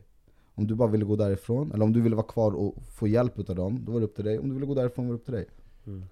Mm. Idag har de bland den lägsta dödligheten i hela Europa. Bland den lägsta, från att vara högst. Jag vet inte hur många länder vi är i Europa, men vi är ett gäng. Från att vara högst till att nästan vara lägsta.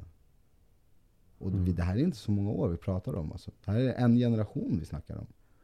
Vet du vem som har tagit platsen som andra på andra plats istället? Nej. Sverige. Mm. Vi har näst högst och vi håller på att ta första platsen. Vem har första platsen? Jag tror att det är Estland. Mm. Jag tror, jag är inte helt säker. Och det här kan vara siffror som är något år gamla, så jag ska inte säga att det här stämmer Mm. i, idag. Men väldigt nyligen var det så här. Och vi fortsätter i samma spår. Mm. Och vi har unga människor som dör helt i onödan. Mm. Unga människor kommer inte sluta ta droger. Människan har tagit droger så länge människan har funnits. Ja, ja det, så det behovet kommer ju alltid finnas, att vilja Mm. berusa sig, att vilja försöka känna något annat. Så att jag känner att parallellt med det där så kanske man skulle också säga det jag har tänkt jättemycket på eh, under åren, är så här med skolan. Att varför pratar man till exempel inte så här eh, lite, någon, någon typ av psykologi? Så här, ta bort något skit som typ Ja, det är bra att veta vad fysik är, säger någon av våra gamla klasskamrater. Eh, så här, det, det, det är ju klart att det kan vara bra. Men jag tänker så här. Det finns så många ämnen som vi skulle direkt kunna klippa och så ta in psykologi, ta in så här, prata om hur viktigt det är, vad, hur, vi, hur vi är mot varandra, och hur, vad, hur vi tänker på om, om oss själva och, och, och hur vi värdesätter oss själva. Ta det parallellt också liksom. Mm. Ta bort någon jävla samhällskunskap. Och det finns alltid någon, jävla, någon som älskar historia som tycker att man är dum i huvudet när man säger det. Som inte stämmer ändå. Nej. ja, jag vet inte. Ja, det här är- det är sjukt kul det är, och det är, det är roligt att prata om för det tycker folk mycket om. Det ska bli så jävla spännande att se hur många eh, människor som kommer vilja kommentera foliehatten Fre- Fredde här. Nej, men så, alltså, och det är ju lite det här man möter. Det, det är det här man möter. Antingen är du för att droger ska vara olagligt och man är, man är ond om man tar droger. Du är en dålig människa. Du är ett avskum.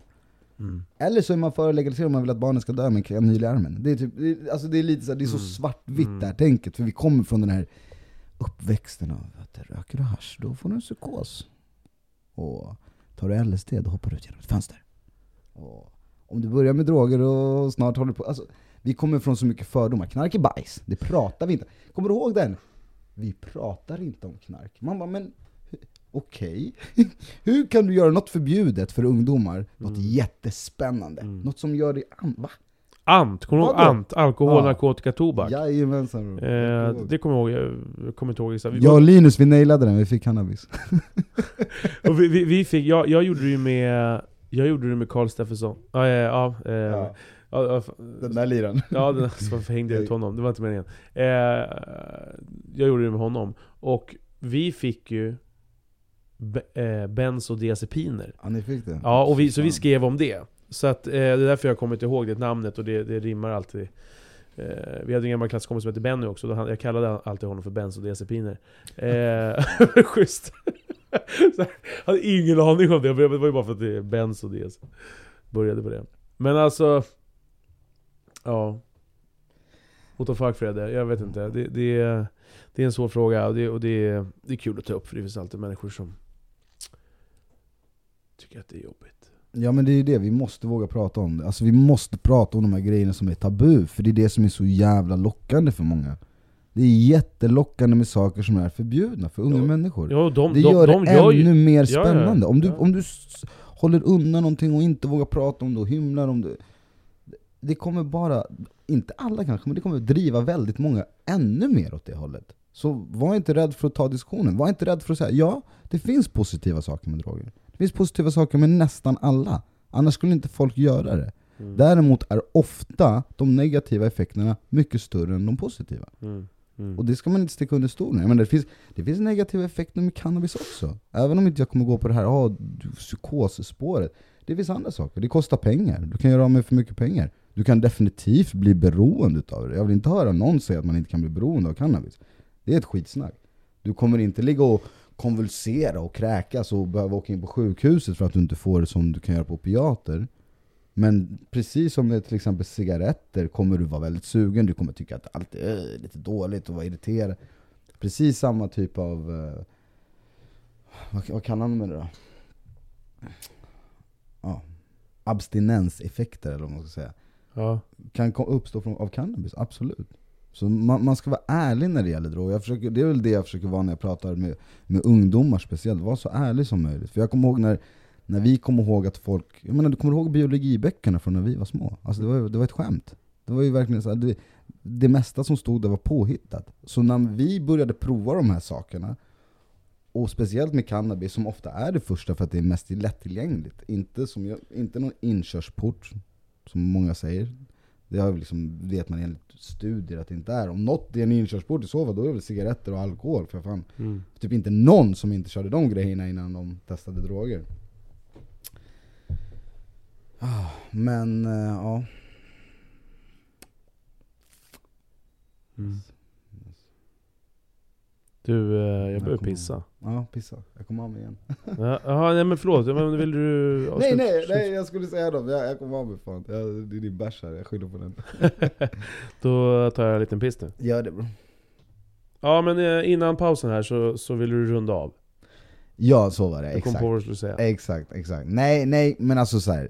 Som jag sa, jag tycker det är så jävla viktigt att man tar diskussionen. Och ärlighet varar så jävla mycket längre, förstår du? Och det finns risker i alla droger, det finns risker i, i allt vi gör som liksom påverkar våra kroppar och, på olika sätt. Och jag vill verkligen poängtera att jag tycker det absolut bästa man kan göra är att prata om saker och lösa, lösa det genom antingen terapi, eller genom kondition, eller genom att äta rätt, eller genom att prata med människor du litar på och bryr dig om.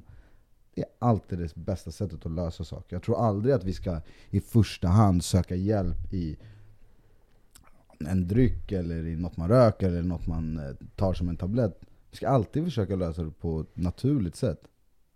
Jag tror bara att cannabis kan vara ett väldigt bra sätt innan man går på starka mediciner mediciner som faktiskt, vi vet, om du bara läser bipacksedeln, bryter ner din kropp och som inte går till liksom roten av problemet, utan som bara, de ska bara maskera dina symptom.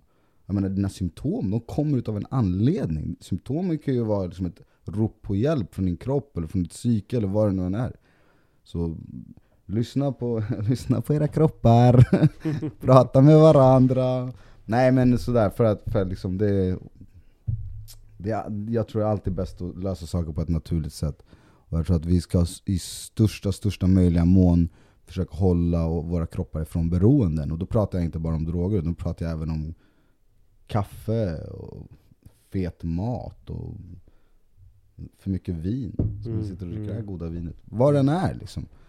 Försöka lyssna på våra kroppar. Men att är det någon, någon medicin eller något vi kan göra för att faktiskt försöka, försöka hjälpa oss, då, då tycker jag att cannabis är ett bra, bra medicin att starta med innan du går på starka opiater eller bensodiazepiner och här saker. Det är, väl, det är väl lite så jag ser det helt enkelt. Du- Sluta banka för helvete. Ja men sorry, du vet ADHD Ja, jag vet det. jag är bara glad för dina ben. Jag- För normalt sett är det alltid så här, tja hur är läget? Det är den. Med Nej, de, de går här under men jag gör det tyst. det där, kommer du ihåg vad de sa till mig i skolan? Det är också en sån här härlig grej som de kom på nu. Vadå? För de här fina, fina människorna som vi mötte när vi gick i skolan. Mm. Jag var sarkastisk, jag hoppas alla fattar det. Eh, de sa ju till mig att det var, jag, jag har ju ADHD, som jag har sagt det på gånger nu, och du vet, jag rör mig med benen ofta, jag sitter och så här, småskakar med benen. Och då hade vi en lärare som sa, framför hela klassen, så här, Men vem säger det vem? Fredrik gör nu, det, det är onani, omedveten onani. Och jag bara ursäkta? Ja, men nu, nu hänger du fan ut av det där jävla CP't. Peter Ringström! Kommer du ihåg mig eller? Jag kommer ihåg dig min vän. Va? Ja, Jaha, Pe- visst. sa Peter? Ja visst, visst. Ah, visst, shit alltså.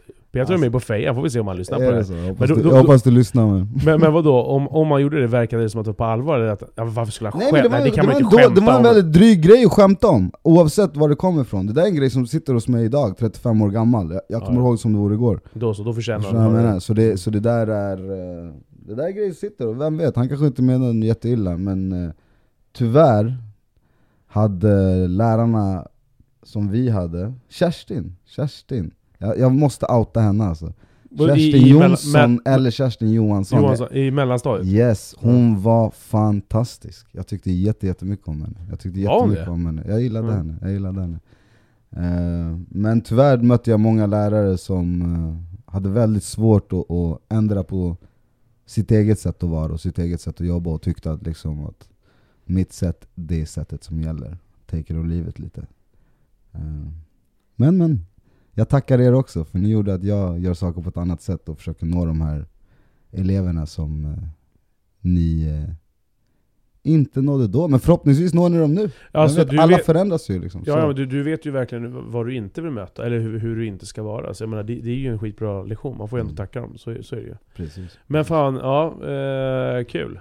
Eh, Bara en anekdot. du, nu tar vi den där riktiga pausen, för att eh, nu måste jag fan fucking pissa. ja det är en sån, det är en toilet break. Ja, det är det. Eh, vi hörs snart. det gör vi. Kolla. Jo, men jag fattar det. I fyra dagar, och inte hittat och så li- ligger de runt din hals. Ja. Ska du... Jaha, för jag har redan playat. Ska du... ja men gå och, pi- gå och pissa! Hej.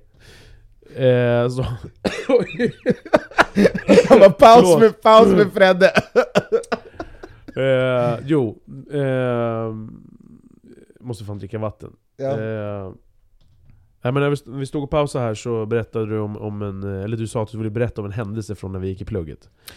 Som hade, hade, hänger ihop med det vi pratade om i början med fördomar och vad du har hört och blivit utsatt för och sådär. Ja, ja alltså du, jag, kom, jag kom att tänka på det när jag, när jag tänkte, när jag pratade om, om uh, vår kära gamle klassföreståndare Peter där. Ja. Eh, om, på en annan lärare, du vet. Jag, jag vet inte, jag vet, jag, så här. Jag var en svår grabb, 100% jag, jag var svår, jag var väldigt arg, jag, jag fick lite så här, uh, vredesutbrott, jag hade svårt att lyssna, jag hade väldigt svårt att sitta still. Och allt sånt där. Jag tyckte om när resten av klassen skrattade och såna här saker. Så jag var en handfull för lärarna, det, det, det ger jag dem alltså. Men eh, ja, jag, jag tror inte jag var omöjlig. Men i alla fall, du sa att du ville toucha hat, så då kom jag direkt in på en, en händelse eh, i vår första skola, Kungsklippan. Där jag tror att det här var i sexan. Ja, det var i sexan, precis. För alla er som är som vi, du vet, så gamla gubbar, kanske kommer ihåg eh, tiden när man hade kassettband Ja. och mix, du vet, när man gjorde ett mixtape, man satt och tryckte rec play stop, rec play Ja. stop, man höll på att banda av, man la in låtar från andra band och du vet. Eh, och jag hade gjort en sån där jävel som hade krigat med i flera timmar och vi hade träslöjd.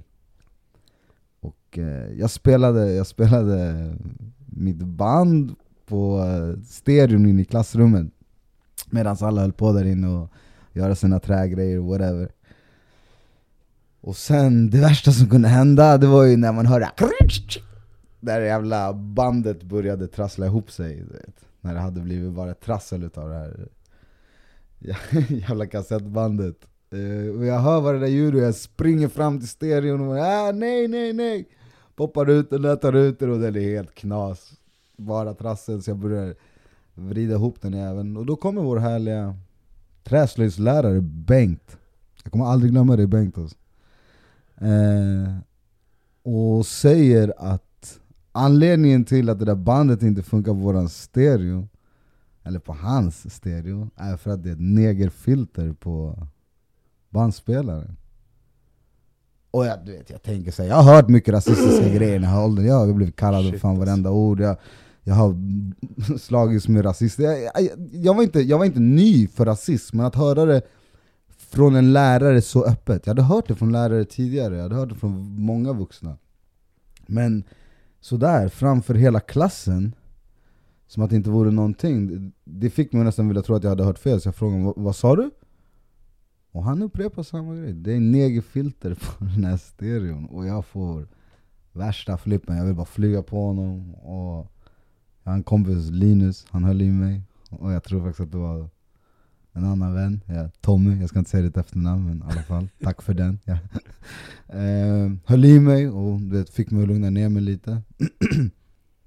och den här läraren, han, han ber om ursäkt sen, för mina föräldrar ringer till skolan och hela den här biten. Ja, fan vad Han säger att det var fel sagt och sådär. Men alltså sådana där grejer du vet. Och det, Men då var ju det också, alltså, jag, jag, försöker inte eh, förminska det på något sätt, jag bara säger att, men då som du sa tidigare när vi pratade om det här, att du brukar kalla för negerfred och sådär, det, det var ju den tiden. Ja, alltså... Ja men jag menar, var inte, då var ju tugget på det sättet. Ja, det fa- var fast det. var fortfarande oacceptabelt. Det är det här jag menar. Jag har aldrig accepterat ett sånt prat från människor jag inte Nej, men jag men- känner. nej, om, jag men- vet att nej. det kommer, om jag vet att det kommer ifrån ett ställe av hat, eller jag vet att det många gånger är okunskap. Nu, i, i- som vuxen vet jag att det kommer från ignorans, okunskap, rädsla, alla de här, alla de här sakerna. Men som 11-12-åring, du ser inte sådär. Förstår du jag menar? Du ser den här personen pratar illa om mig, den här personen ser mig som något annat. Och mitt sätt var alltid att agera genom att agera utåt. Jag svalde inte bara, jag gick inte hem och, och var ledsen och stängde in mig på mitt rum och du vet, bara svalde. Vilket jag idag är väldigt glad för, även om det satte mig i väldigt mycket problematiska och våldsamma situationer Så jag är glad att jag inte bara svalde, för jag, jag tror verkligen att om jag hade svalt allt det jag gick igenom som liten när det kommer till rasistiska saker Plus allt jag gick igenom som ung vuxen när det kommer till problem och upp och ner i livet och sådär, Då hade jag på riktigt gått under alltså. Så just det här att jag ibland har valt att agera utåt Det har satt sina problem, men det har också räddat mig tror jag alltså. Verkligen så...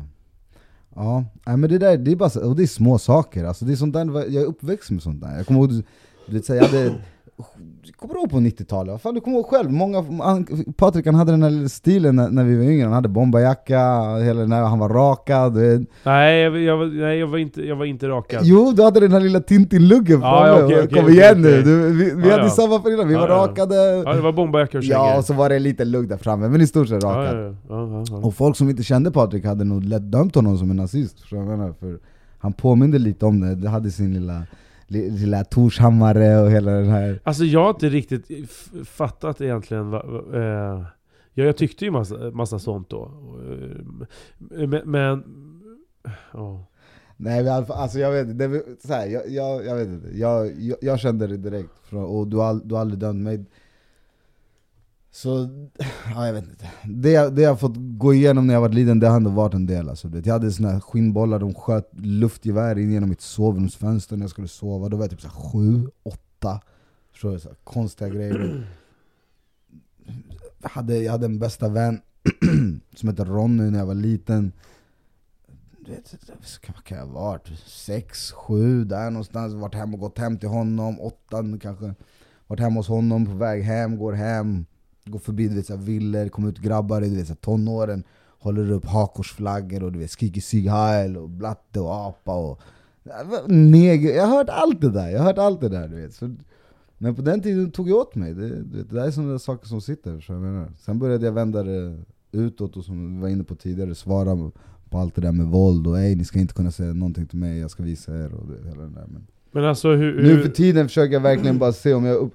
Det var senast häromdagen, du. alltså vi ser rasism hela tiden och det här jag tror inte att det är svårt för en, en ljushyad person att förstå den här vardagsrasismen som inte är all in your face. Det är inte någon som skriker 'negerjävel' Jävla blött ut med alltså, Det är inte den jag pratar om, den finns där, men det är klart det är inte varje dag vi råkar ut och sånt Men du vet vardagsrasism, små grejer, kvinnor som du vet, går och sätter sig i en annan vagn fast det finns lediga säten Man ser folk som håller hårdare i sin väska när man går förbi, eller du vet, man hälsar på någon och de bara Man ser att de tittar på en... alltså, Små grejer du vet, vi, vi är uppväxta med sådär, men man lär sig hantera det någonstans Men det är så jävla synd att det finns, och för att toucha det ämnet som du var inne på, hat. Du vet, det är lätt att, att reagera med hat mot sådana saker. Speciellt när man är ung.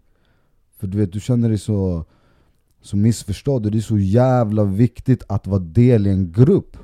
Så förstår jag menar? Det är en av våra typ, grundläggande behov, att tillhöra stammen, eller tillhöra gruppen, tillhöra någonting. Om du känner att du inte blir accepterad, att du är en hålls på utsidan utav det, då kommer du reagera det kommer, liksom, det kommer påverka dig, 100% Nu är jag glad, jag, jag, jag känner att jag har lyckats nu som vuxen med mycket hjälp från vänner, familj och liknande och faktiskt vågat be om hjälp förändrat det här och faktiskt kunna ta de här jobbiga perioderna jag gick igenom i mitt liv och faktiskt kunna göra något positivt av det Men jag ska absolut inte sitta här och försöka låta som någon helgon eller som att åh, jag är helt perfekt och jag gör allt rätt nu.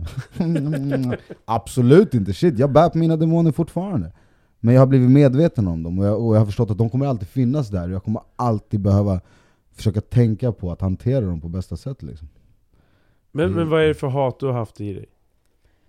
I början var det precis som jag pratat om, ett hat mot, mot svenska samhället, att inte få bli accepterad, bli sedd som en som en viting? Som, som, nej, som, nej, jag hade velat bli sedd som en viting. Och nej, men att och, du ska bli lika accepterad ja, som ja, ja, jo men precis, precis. Liksom alltid och man blir sedd som att man är lite halvkriminell och så, och sen som, som jag sa, ja, vi axlade den här rollen, jag och många, många med mig. Till slut. Men när folk började se på mig som att jag var kriminell, då ville jag fortfarande bli polis. Alltså, du förstår, det var så Har du velat bli snut? 100%! Kom igen jag är grabb som alla andra, jag har också haft mina jävla agentkit när jag var liten. Kom igen, det, det, det är klart. Och jag var så liten när sådana saker började hända mig, när folk började kalla mig saker och titta på mig, att det, det förändrade mig du vet. Och sen, sen blev man lite äldre, första gången jag, alltså, jag, jag Va? Nu var inte jag med dig till och med? I Skärholmen? I sexan eller femman, och vi var vid cykelringen.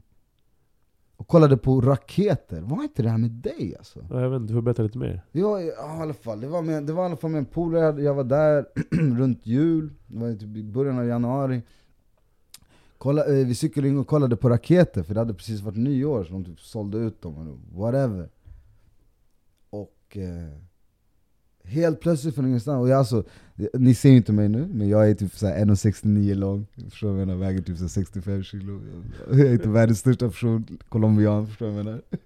Så ni kan tänka er hur stor jag var då, du vet, när jag var typ så 11 bast, jag fyllde sent också, så jag, jag var jätteliten du vet. Och från ingenstans kommer en vakt, stor vakt, bom, blond! Mm. Sliter tag i mig, drar in mig på en jävla lager inne på cykelringen, bara trycker upp mig mot väggen du vet, så här, lyfter mig, alltså lyfter mig.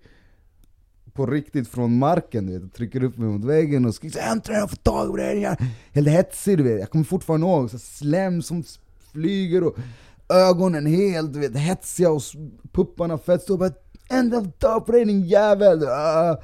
Och jag fattar ingenting, alltså jag förstår ingenting Jag var lite busig, jag hade snattat och sådana grejer, men jag hade inte gjort någonting just då. Jag, hade, jag fattade verkligen inte vad är det som händer. Du vet.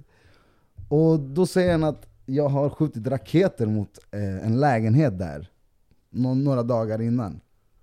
Jag tror han säger att det är en tisdag eller något. Han säger dagen nu. Och jag bara nej jag har inte gjort det. Han bara jo det är du din jävel, det det, och så min tröja är helt förstörd, jag har såna grejer, så till slut jag släpper ner mig och, och, efter ett tag, jag kommer inte riktigt ihåg hur, jag, genom jävla telefonautomat eller om jag fick en lånad telefon någonstans eller någonting men Mina föräldrar kommer och hämtar mig och den här dagen han påstår att jag ska vara där och skjutit, den dagen hade jag fyllt år Så min pappa visste att jag hade varit hemma hela den dagen, så min farsa kom dit. Jag blev fett stolt över min pappa den dagen. Han gav den där jävla vakten han, gav, han gav en ingen omgång, men han gav en en uppläxning som hette duga, alltså, som kändes fett bra. Uh, och sen så tog det bara ett år innan jag åkte på min första smäll i ansiktet, alltså en knuten näve av en polis i mitt ansikte liksom, när jag gick i sjuan. Så jag mötte, jag mötte, och då var det liksom 'fattar du inte svenska din apa' Så, så det, jag mötte rasism jättetidigt, alltså jag har mött rasism så länge jag kan komma ihåg. Och jag mötte polisvåld. Alltså jag, jag, ja, jag tror inte jag hade fyllt 13 än, men jag skulle fylla 13. Så det, det är liksom... Det är därför jag brinner mycket för sådana här saker också. Orättvisor. Jag, jag, vet, fan, jag, jag vet inte om du kommer ihåg, men när jag var liten, du vet, redan då de jag älskade att bråka med, det var folk som bråkade med andra. Du vet. För jag tyckte om det där redan då. Så här, kände att man gjorde någonting bra samtidigt som jag fick ut mina aggressioner. Så, så om någon kom och sa hej, han har kallat oss blattehora eller något så whatever, du vet, då var det ah, okej, okay, it's on. Du vet. För jag var en liten grabb och jag visste inte hur jag skulle hantera mina känslor. För jag, menar. jag hade ingen som, som nådde mig. Jag har alltid haft två jättefina föräldrar som har gjort allt de kan, men de kunde inte nå mig i den åldern. Och, ja, de som nådde mig var tyvärr äldre killar som var lika, lika förvirrade själva liksom, och behövde lika mycket vad ska man säga, vägledning själva. Så det var en trasslig jävla uppväxt alltså. Men eh, ja, jag är jävligt glad för allt det där idag ändå bro. Alltså, för det, det har gjort mig till den jag är idag, så jag skulle ändå inte vilja ta bort någonting på ett sätt. Förstår du vad jag menar? Mm. Så. Vilket blir en utmaning då, nu. Som vi pratade om, vi är båda papper, fan du vet själv, nu är dina barn lite mindre än mina men man vill, man vill skydda dem från allt. Jag vill inte att de ska göra något. Alltså kommer du ihåg, jag har ju funderat skitmycket på så här varför Ja, dels är det bara hela grejen och bara... Jag kommer ihåg i, i högstadiet så gick jag, hade jag, hade, jag hade som en liten jävla så här bandspelare så här, i, i, och som jag kunde på något sätt typ fästa, helt sjukt, i, i, i bältet eller någonting. Ja, Walkman! Kommer du ihåg? En, walk, en nej, Sony nej, Walkman! Nej, nej, nej, nej, nej, Det här var något som jag köpte på Teknikmagasinet och det var som en liten bandspelare. Uh -huh. eh, och så hade jag den i alla fall, och så gick jag utanför bildsalen, du vet ju bildsalen i Kvarnberga liksom.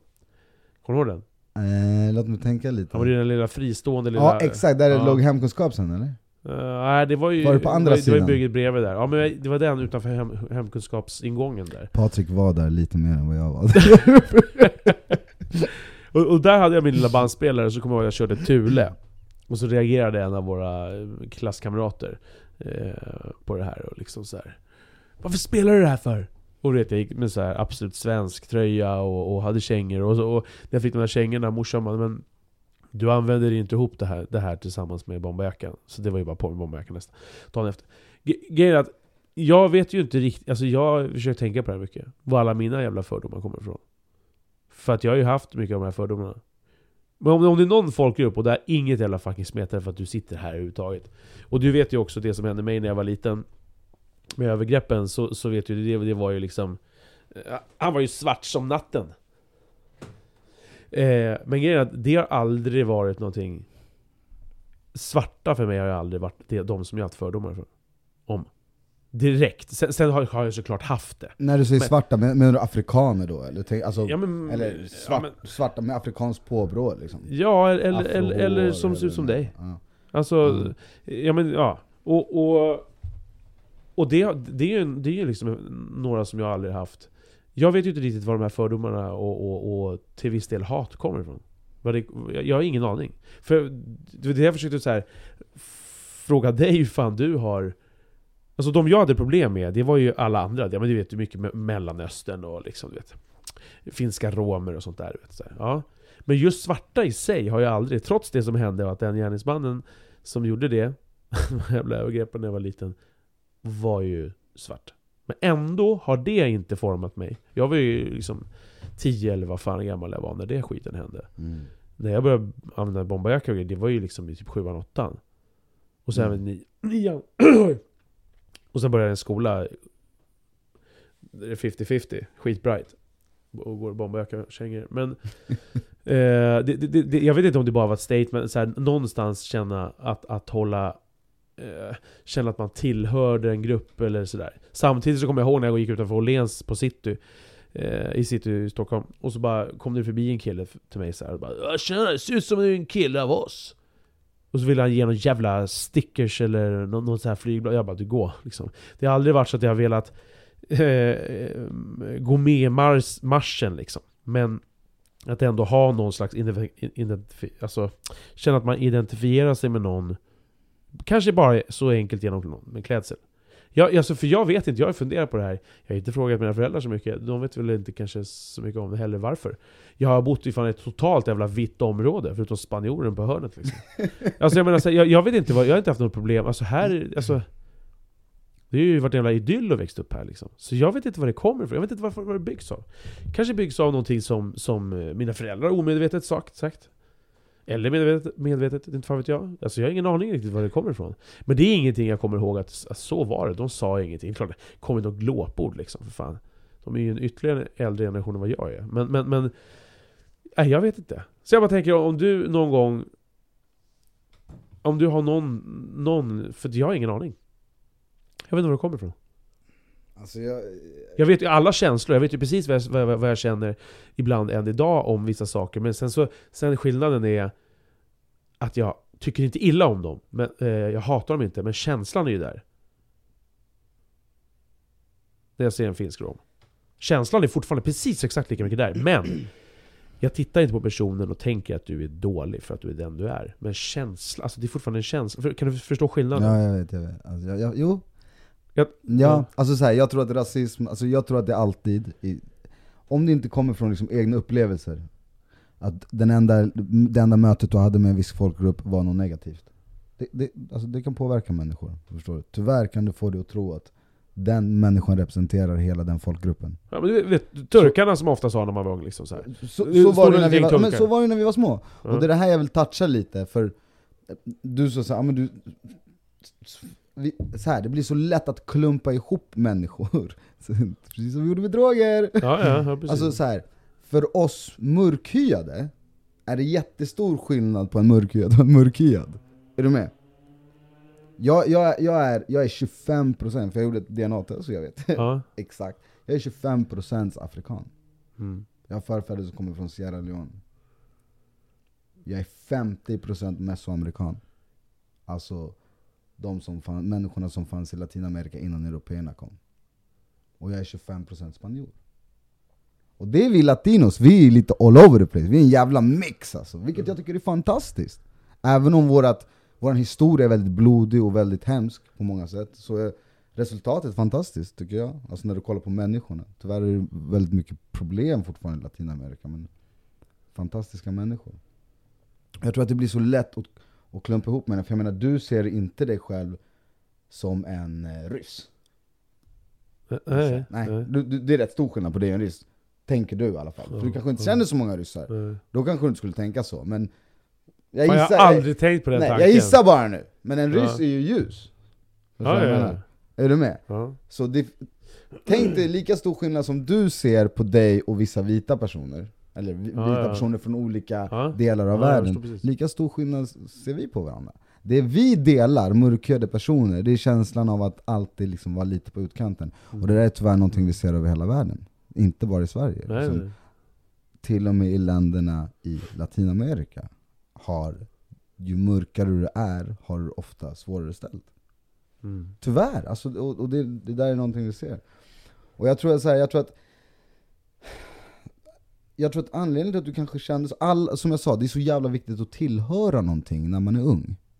Och när vi var små, nu är inte jag ung på den här tiden på det sättet, men om jag bara kan iaktta iakttagelsen jag har gjort när, från att jobba i skola, att när vi var små då fanns det rätt många olika klickar. Du kunde tillhöra lite så olika, du vet. Mm. Kunde mm. välja lite, och så tyckte du något. Du gillade den där musiken, eller hur?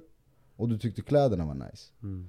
Det fick dig att söka dig till dem, även om du kanske egentligen inte höll med jättemycket av det de sa. Jag vet inte hur, hur du är uppväxt med, med vad dina föräldrar, liksom, hur de pratade om utländska människor. Men jag tror att även små saker, du, ja, du, du sa att så här, ett skällsord kan komma Jag tror att även små saker kan påverka jävligt mycket. Mm, mm. Men jag tror att den största delen var just som du sa, Du bodde äh, i ett vitt samhälle. Du kände inga mörkhyade. Det är inte så konstigt. Om då du, det lilla du hör är negativa saker, som man ofta gör om saker man inte känner till, eller speciellt invandrare i Sverige och sådana saker. Samtidigt så tog jag, jag, tog jag mig det till den första jag såg. Det är det här jag menar, men det här jag menar! Det, här, det, det var det här jag skulle komma in på. Du och jag har ju alltid varit fett bra vänner. Du har aldrig sagt någonting negativt till mig. Någonting jag reagerade på när jag var liten, som du sa, och Patrik du är inte ensam om det här. Väldigt, jag tror alla mina svenska vänner har sagt samma sak. Någonting som jag tänkt mer på som vuxen, det är, fast du är ju annorlunda. Du är ju svensk. Du är ju som oss. Kom, jag vet inte om du kommer ihåg att du har, att du har sagt så. Jo, nu, ja, ja, nu när ja, jag tar det ur sitt sammanhang så låter det väldigt grovt, men du har sagt det i, ett, i, ett, i olika samtal när vi varit små. Jag vet inte om du kommer ihåg det? Och just den linjen, fast du är ju svensk, har jag hört från många av mina svenska vänner för att jag har ett svenskt namn, jag har kvar mitt, mitt eh, colombianska namn, men jag har ju fått ett svenskt namn också när jag flyttade hit. Och jag kan prata och jag kan skriva svenska. Och någonstans där blir det som en... Jag har inte bett heller om att vara svensk. Jag är en stolt colombian som bor och är uppväxt i Sverige. Så kände jag mig när jag var ung. Mm. Idag känner jag mig som en stolt colombian som även är svensk. Mm. Jag har svenska traditioner, jag tycker om sill, jag gillar kräftor, förstår du vad jag menar? Jag, jag, jag, jag kollar på Kalanka på julen, även om jag är jävligt trött på den jäveln nu, men mina barn kollar på den. Jag tycker om sådana här saker. Sverige är ett väldigt fint land på många sätt. Jag är glad över att få växa upp i Sverige. Är du med? Jag, jag älskar mina svenska föräldrar otroligt mycket, är du med? Men jag är extremt stolt colombian. Mm. Mi sangre, mi sangre es muy fuerte, förstår du? Jag har starkt blod, jag, jag, jag är glad över mitt ursprung. Jag är glad över var jag kommer ifrån. Liksom. Ja, fan, fan när du säger det, med? för, för jag kommer ihåg, jag sa det här till dig för jag sa det till dig för kanske ett par månader sedan, eller ja, någonting. Så när vi pratade om något sånt här över videosamtal, och jag, och, och, och jag kommer ihåg att du reagerade på det. Och jag var lite osäker på om jag skulle säga det, men då har jag tydligen sagt det redan, redan när, vi, när vi var små då. Men att så här, för mig har ju du alltid varit, även fast du också... Fast för mig har du ju alltid varit lik... För mig, ja fast, ja, ja. Nej jag vet inte, om jag men påverkad av dina historier. Men för mig har du alltid varit lika svensk som någon, som någon, någon annan. För att du kände mig. Ja, ja, ja. Är du med? Jag Ja. tror att det är där det ligger. Jag tror inte det har så mycket att göra egentligen med att jag gillade sill. Eller, för jag hatade sill i den åldern, är du med? Och då var jag väldigt så här, då kunde jag till och med vara lite så här, just för att jag, jag var så jävla mån om att behålla min colombianska identitet, ibland var lite antisvensk. Mm. Som du var inne på tidigare, du, du hade en absolut svensk tröja, lyssnade på Ultima Thule. Bara de grejerna hade kunnat fått mig att börja försöka bråka med en person jag inte kände. Förstår du? För att Mm. jag hade automatiskt bara ah, du är rasist. För det var så jag kände just då. Ja. Är du med? Alltså, ja. det är... Man blir annorlunda, alltså tiderna går, förstår jag menar? Och, och jag försöker väl hela tiden lära mig av, av det man går igenom, man, man förändras som människa. Och jag tror att nästan alltid grundar sig rasism i okunskap. Och jag tror att anledningen till att du och flera andra svenska kompisar, speciellt när jag var liten, sa en sån sak var för att ni kände inte så många andra. Ni, ni, ni kände inte så Nej många. nej, man tog sig den rätten. Så då blev det så här. ni såg de olikheterna vi hade, för vi har alltid vetat att vi är olika du och jag. Ja. Eller hur? Ja, just. Men du såg också alla likheter. Mm. Och jag tror att det var det som fick dig att känna så här, men shit, han är ju som jag. Ja men du är också svensk, du är som oss. Mm. Det hade varit samma sak med vem som helst. Är du med? Mm. För det där är de där mänskliga likheterna jag pratade om tidigare som faktiskt binder oss samman. Oavsett var fan vi kommer ifrån. Vi har olika erfarenheter, vi har olika historier, men du vet de här grundläggande grejerna som får oss att tycka om varandra, det har med andra saker att göra. Men det jag tänker på är det där med ku- okunskap. Alltså, jag, jag kör ju den grejen också, även fast jag inte är helt eh, fördomsfri. Liksom, så har, har ju mycket försvunnit. Men samtidigt så ligger det någonstans, alltså känslomässigt så ligger det latent. Jag reagerar, alltså, det är väldigt svårt att, om, om du alltid har reflexmässigt reagerat när du ser en viss person gå förbi, eller polisen, eller, eller, eller, eller någon skummis. Den sitter ju där, alltså känslomässigt är den ju nära även många år efter. Och så är det ju för mig. Men det jag inte re- kanske reagerar på är att jag... Gud, förlåt. att, att jag, att jag äh, agerar ut eller alltså... Jag har svårt att förklara. Nej men jag tänker bara så här att... Eh, eh, man säger att det är okunskap. Hur tolkar du det? Kort, eh, vill jag, ganska kort vill jag svara på det.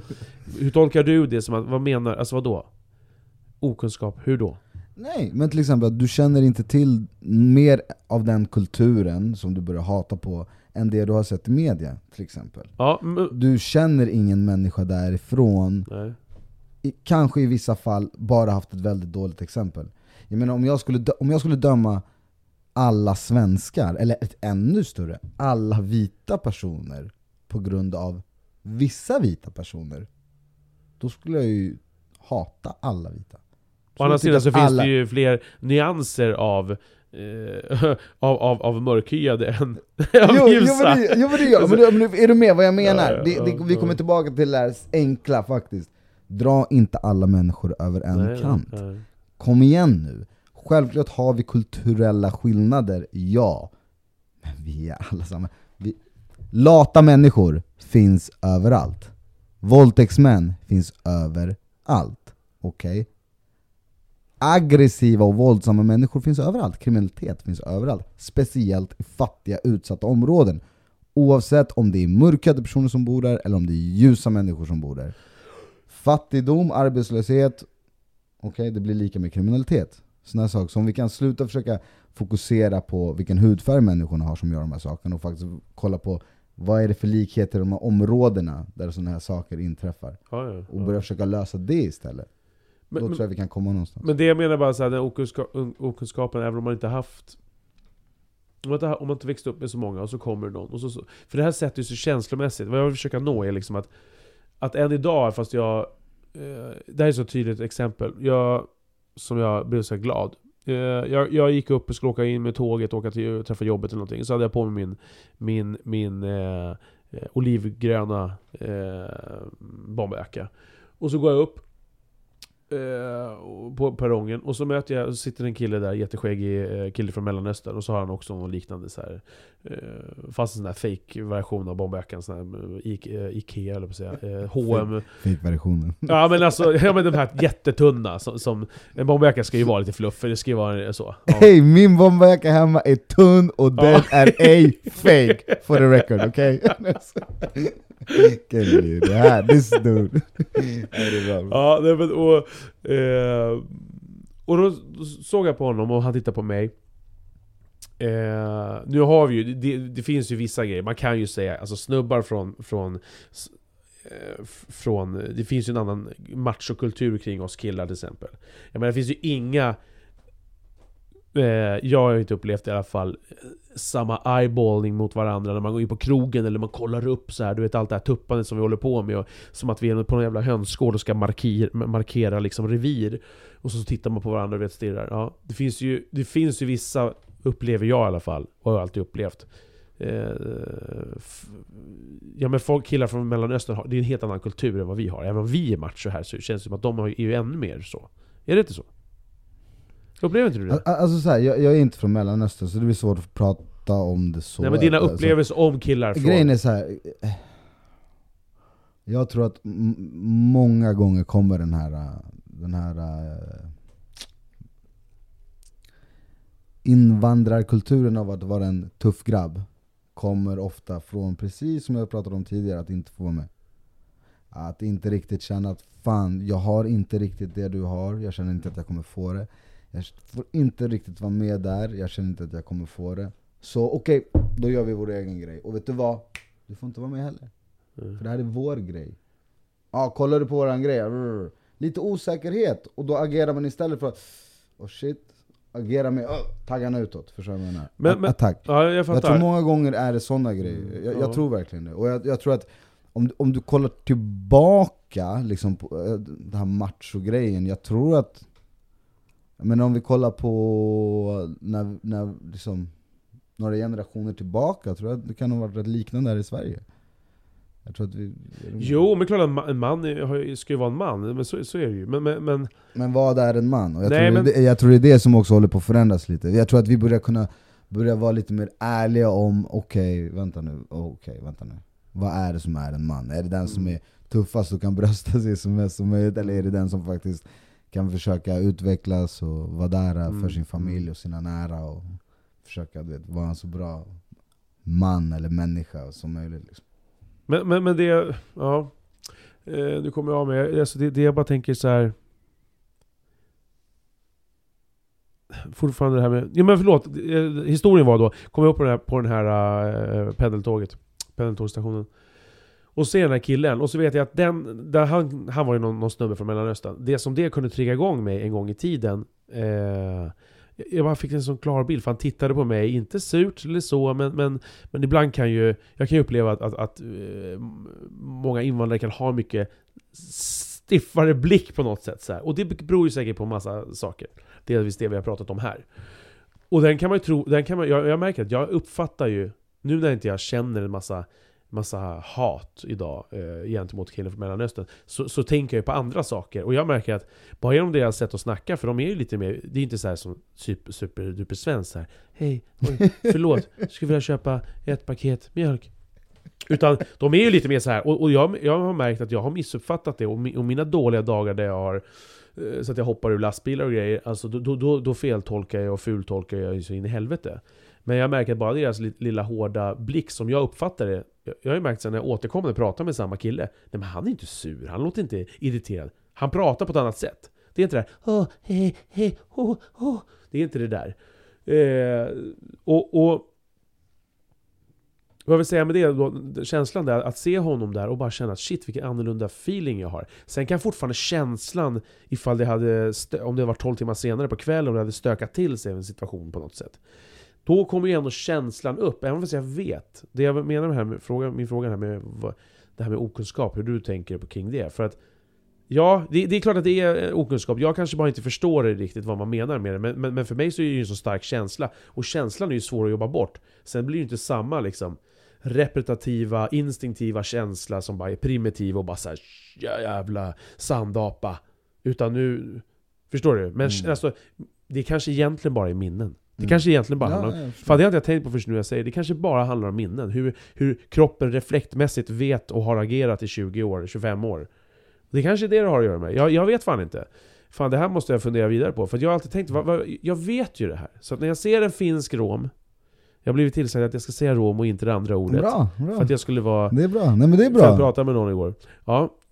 Men sen kan jag gilla att säga det bara. Ja, men det är bra, du lämnar det så Ja. Ja, nej, men i alla fall. Och, eh, men, men, men, så att jag känner ju inte det, det hatet. Men det, det ligger mycket kvar där. När jag ser den där finska romen. Och, och för, att- för att jag, vet, jag har jobbat i butik, de har kommit och snott framför mina ögon, de har alltså försökt så här, hassla inom in i butiken, bara betett sig illa. Så att liksom så här, stått och, och, och, och deras barn framför mig när jag var på Statoil och försökte sno grejer. Liksom, så här, du vet. Och det påverkar ju. Allt det kommer ju upp känslomässigt. Men sen känner jag ju inte det föraktet och hatet riktigt. Men en extremt stor stark känsla är fortfarande kvar. Och då menar jag bara att jag vet ju det här. Jag vet ju det. jag säger. Jag sitter ju inte här och, och, och, och spelar. Men ändå kommer ju känslan. Så då tänker jag så här. Kan man säga att det är bara okunskap? Eller är det osorterade känslor? Jag vet inte. Det kan nog vara både och, alltså om, om du går tillbaka till att du har varit med om saker. Jag menar så här, våra det var det vi var inne på för jättelänge sedan, att våra kroppar är wirade fortfarande, jag tror inte riktigt de har hängt med, förstår vad jag menar när jag var inne på diagnoser.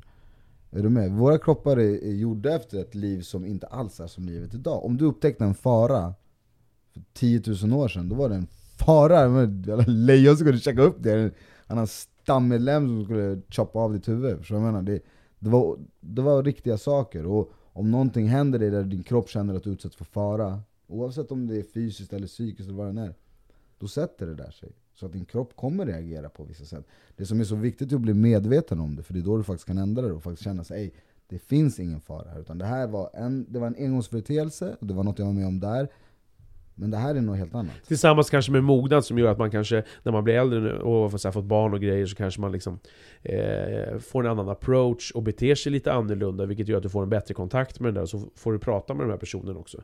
Inte bara att det är, jag tänkte på det här med, med fara liksom. Jag menar också mognaden i sig, som man förhoppningsvis har när man blir äldre. Jag vet inte fan vad jag menar nu. Jo nej men, Ja, men- Kommer, ja, men att kommer med mognad också, det är klart. ja, Alltså, ja, så här, vi, vi är ju äldre, men vi är inte jättegamla än. Och jag, jag, menar, jag tror att vi, det här, det här, jag tror att det här är, du vet när man var liten, eller jag i alla fall, då hade jag någon sån här bild av att när man är vuxen, då har man koll på allt. Och sen är Ja. det klart. Och sen Ja. är allt bara chill Ja, mode. ja. Fast jag, blir, jag förstår att det inte är så. Kan, du, kan du identifiera dig som vuxen? När någon säger så här, men du är ju en man på 36. Vuxen, 35, så här. 35, 35, 35, okej. ja. Keep- keep- ey, ey, ey. Nej, så här. Alltså jag, jag identifierar mig som vuxen, för jag börjar faktiskt kunna vara stolt över mig själv. Jag gör, jag gör misstag, ey, för alla där ute, jag gör fortfarande misstag. Jag är den första att erkänna, jag är fortfarande stupid shit. Ibland får jag fan krypa tillbaka och be om ursäkt till människor som jag älskar. Och Ibland får jag ta en titt på mig själv och vad fan mannen. Men, men jag börjar faktiskt kunna bli väldigt stolt över mig själv och faktiskt känna att jag, att jag gör det bästa jag kan. Och det är inte alltid perfekt, men jag gör det bästa jag kan. Liksom. Så där någonstans kan jag säga att jag börjar känna mig vuxen. Däremot känner jag mig inte som, om vi går tillbaka Så till när vi var bild. små, Ja, så som jag trodde att man skulle vara när man var 35, så känner jag mig inte. nej. Jag Nej, men mig men jag blev läggad idag på systemet, vill jag bara lägga in. Okej, så jag känner, mig jag känner mig fortfarande ung. Nej men det, det är liksom, jag vet inte. Jag, jag, eh, jag har jobbat väldigt mycket runt unga människor. Jag, är, jag har eh, mina barn som jag umgås mycket med. Jag, är liksom, jag har aldrig jag har aldrig blivit så att jag känner så här att jag inte kan göra någonting jag tycker är roligt för att jag är i en viss ålder. Så jag har kvar barnasinnet eller vad man ska säga, vilket jag tror Mm. hjälper mig. Jag, gissar. Men eh, jag, jag, jag är glad för jag har, så, jag har så mycket människor som aldrig fick komma hit, förstår du? Och Jag hade en lång tid i mitt liv när jag inte själv trodde att jag skulle bli så här gammal. Så jag, jag, jag känner mig liksom välsignad varje dag att få att få leva, att få faktiskt bli äldre du vet. Så när, när folk kommer med så här åldersnojor, och vem vet, jag kanske också får det någon gång. Jag ska inte säga att jag aldrig får det, men jag kan inte känna det där. För jag, jag, är- jag är så jävla tacksam av att få fylla 35, fylla 36, förhoppningsvis fylla 40. Och du vet, fortsätta och bara du vet, se mina barn bli äldre, bli morfar någon dag, kanske farfar, vem vet. Så jag menar sådana här grejer, det, det är det som faktiskt nej, får mig bara köra på genom allting. Och du vet, mitt liv har alltid varit väldigt upp och ner. För jag menar, mycket sorger, men fett mycket lycka också. För jag menar, det är där jag är någonstans. Jag, jag, jag, tror att jag faktiskt är rätt bekväm med det. Att, du vet, det kommer både och, livet är både och. Mm. Jag, jag tror jag, jag kanske skulle bli lite stressad om livet var för odramatiskt under för lång tid, även om det är jävligt skönt när allt flyter på. Så tror jag lite att det är det som är att leva med. Alltså, ibland, ibland är det skit, men ibland är det jävligt, jävligt bra också. Liksom. Så det är det där. Ja men känner du att du är... Alltså du, du käkar inga mediciner för, för ADHD eller någonting? Nope. Ingenting. Jag har, eh, jag har provat. Jag har provat Concerta och Elvanse. Och båda fick mig att känna mig helt annorlunda än mig själv. Jag, precis de här dåliga effekterna som vi pratade om. Och där är jag, där är jag. Andra kan få andra effekter.